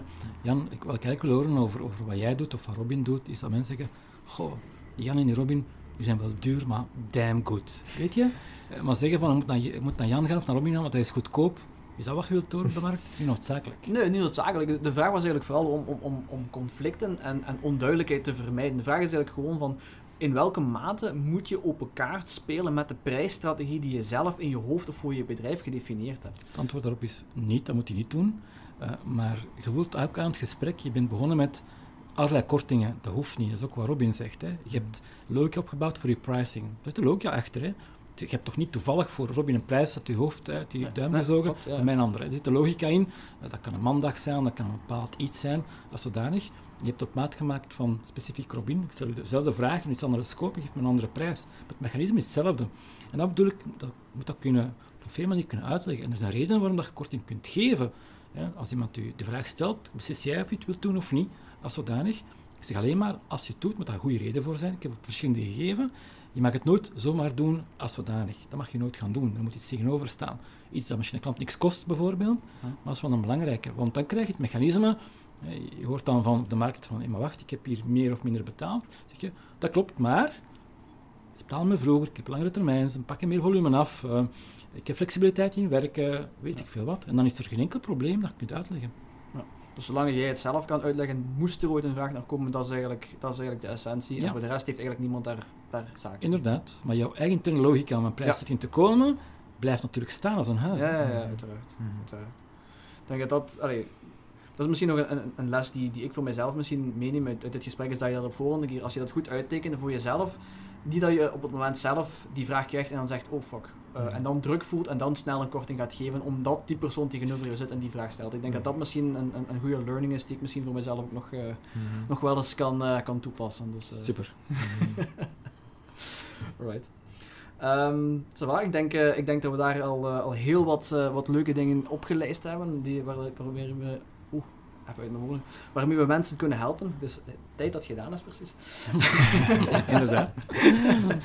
uh, Rob en Omar, ik ga jullie heel hartelijk bedanken voor de tijd die jullie hebben vrijgemaakt. Uh, het, was, het was zeer leerrijk, we hebben er een aantal leuke dingen uitgehaald en ik denk dat we mensen daar zeker mee kunnen helpen. Um, en ik stel voor dat we, dat we misschien op middellange termijn nog eens eventjes met elkaar inchecken te kijken waar dat we staan en of we misschien nieuwe dingen hebben geleerd die we, die we kunnen toepassen op het, op het topic. Ik denk dat dat, zoals alles, een, een een, een, golvende beweging is die, die, die nog wel zal uh, de ene of de andere kant zal uitslaan. Dus, uh, Zeker, ik, het was me genoegen. Uh, ook met Robin samen zitten. Ik hoop dat u publiek heel veel inspiratie heeft gekregen, heel veel nieuwe inzicht en perspectief en vooral mee aan de slag kan gaan en het verschil kan maken op de markt. Ja. ja daar twijfel ik precies niet aan. we, zouden dus, we zouden dus een poll moeten doen op het einde van, uh, van, van van de podcast om te kijken hoeveel mensen op basis hiervan hun prijs effectief veranderd of verhoogd hebben. Ik ben eens curieus of dat... Uh... Super idee eigenlijk. ja, zolang dat die leveranciers dan maar niet bij mij komen klaar. Ja.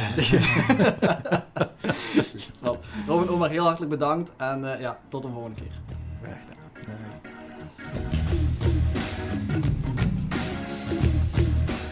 Hallo allemaal en bedankt voor het luisteren naar deze aflevering van de Business Mindset Podcast. Hopelijk was het voor jou net zo interessant als voor ons tijdens het gesprek en heb je er één of meerdere dingen kunnen uithalen voor jezelf of om anderen te helpen in hun onderneming. Voor meer informatie over mijzelf, de gasten of tools, boeken of concepten die we besproken hebben tijdens de podcast, kan je altijd terecht in de omschrijving van deze aflevering. Heb je genoten van de podcast? Vergeet dan zeker niet om het te delen op social media. Dit helpt ons enorm om te groeien en om een groter publiek te bereiken. En hoe sneller we groeien, des te meer tijd we kunnen vrijmaken voor interessante gesprekken waar we zowel zelf als jullie iets kunnen bijleren. Heb je verder vragen of heb je feedback over wat we besproken hebben tijdens de aflevering? Of tips of verzoeken over onderwerpen die we kunnen behandelen? Of wil je iemand aanraden als gast tijdens de podcast? Laat het dan ook zeker weten. In de omschrijving van deze aflevering vind je een link naar alle social media accounts van de podcast. En daar kan je ons altijd op bereiken. Volg ons zeker ook op social media, dan blijf je altijd op de hoogte van de nieuwste ontwikkelingen en van de volgende afleveringen. Thanks again en tot de volgende keer.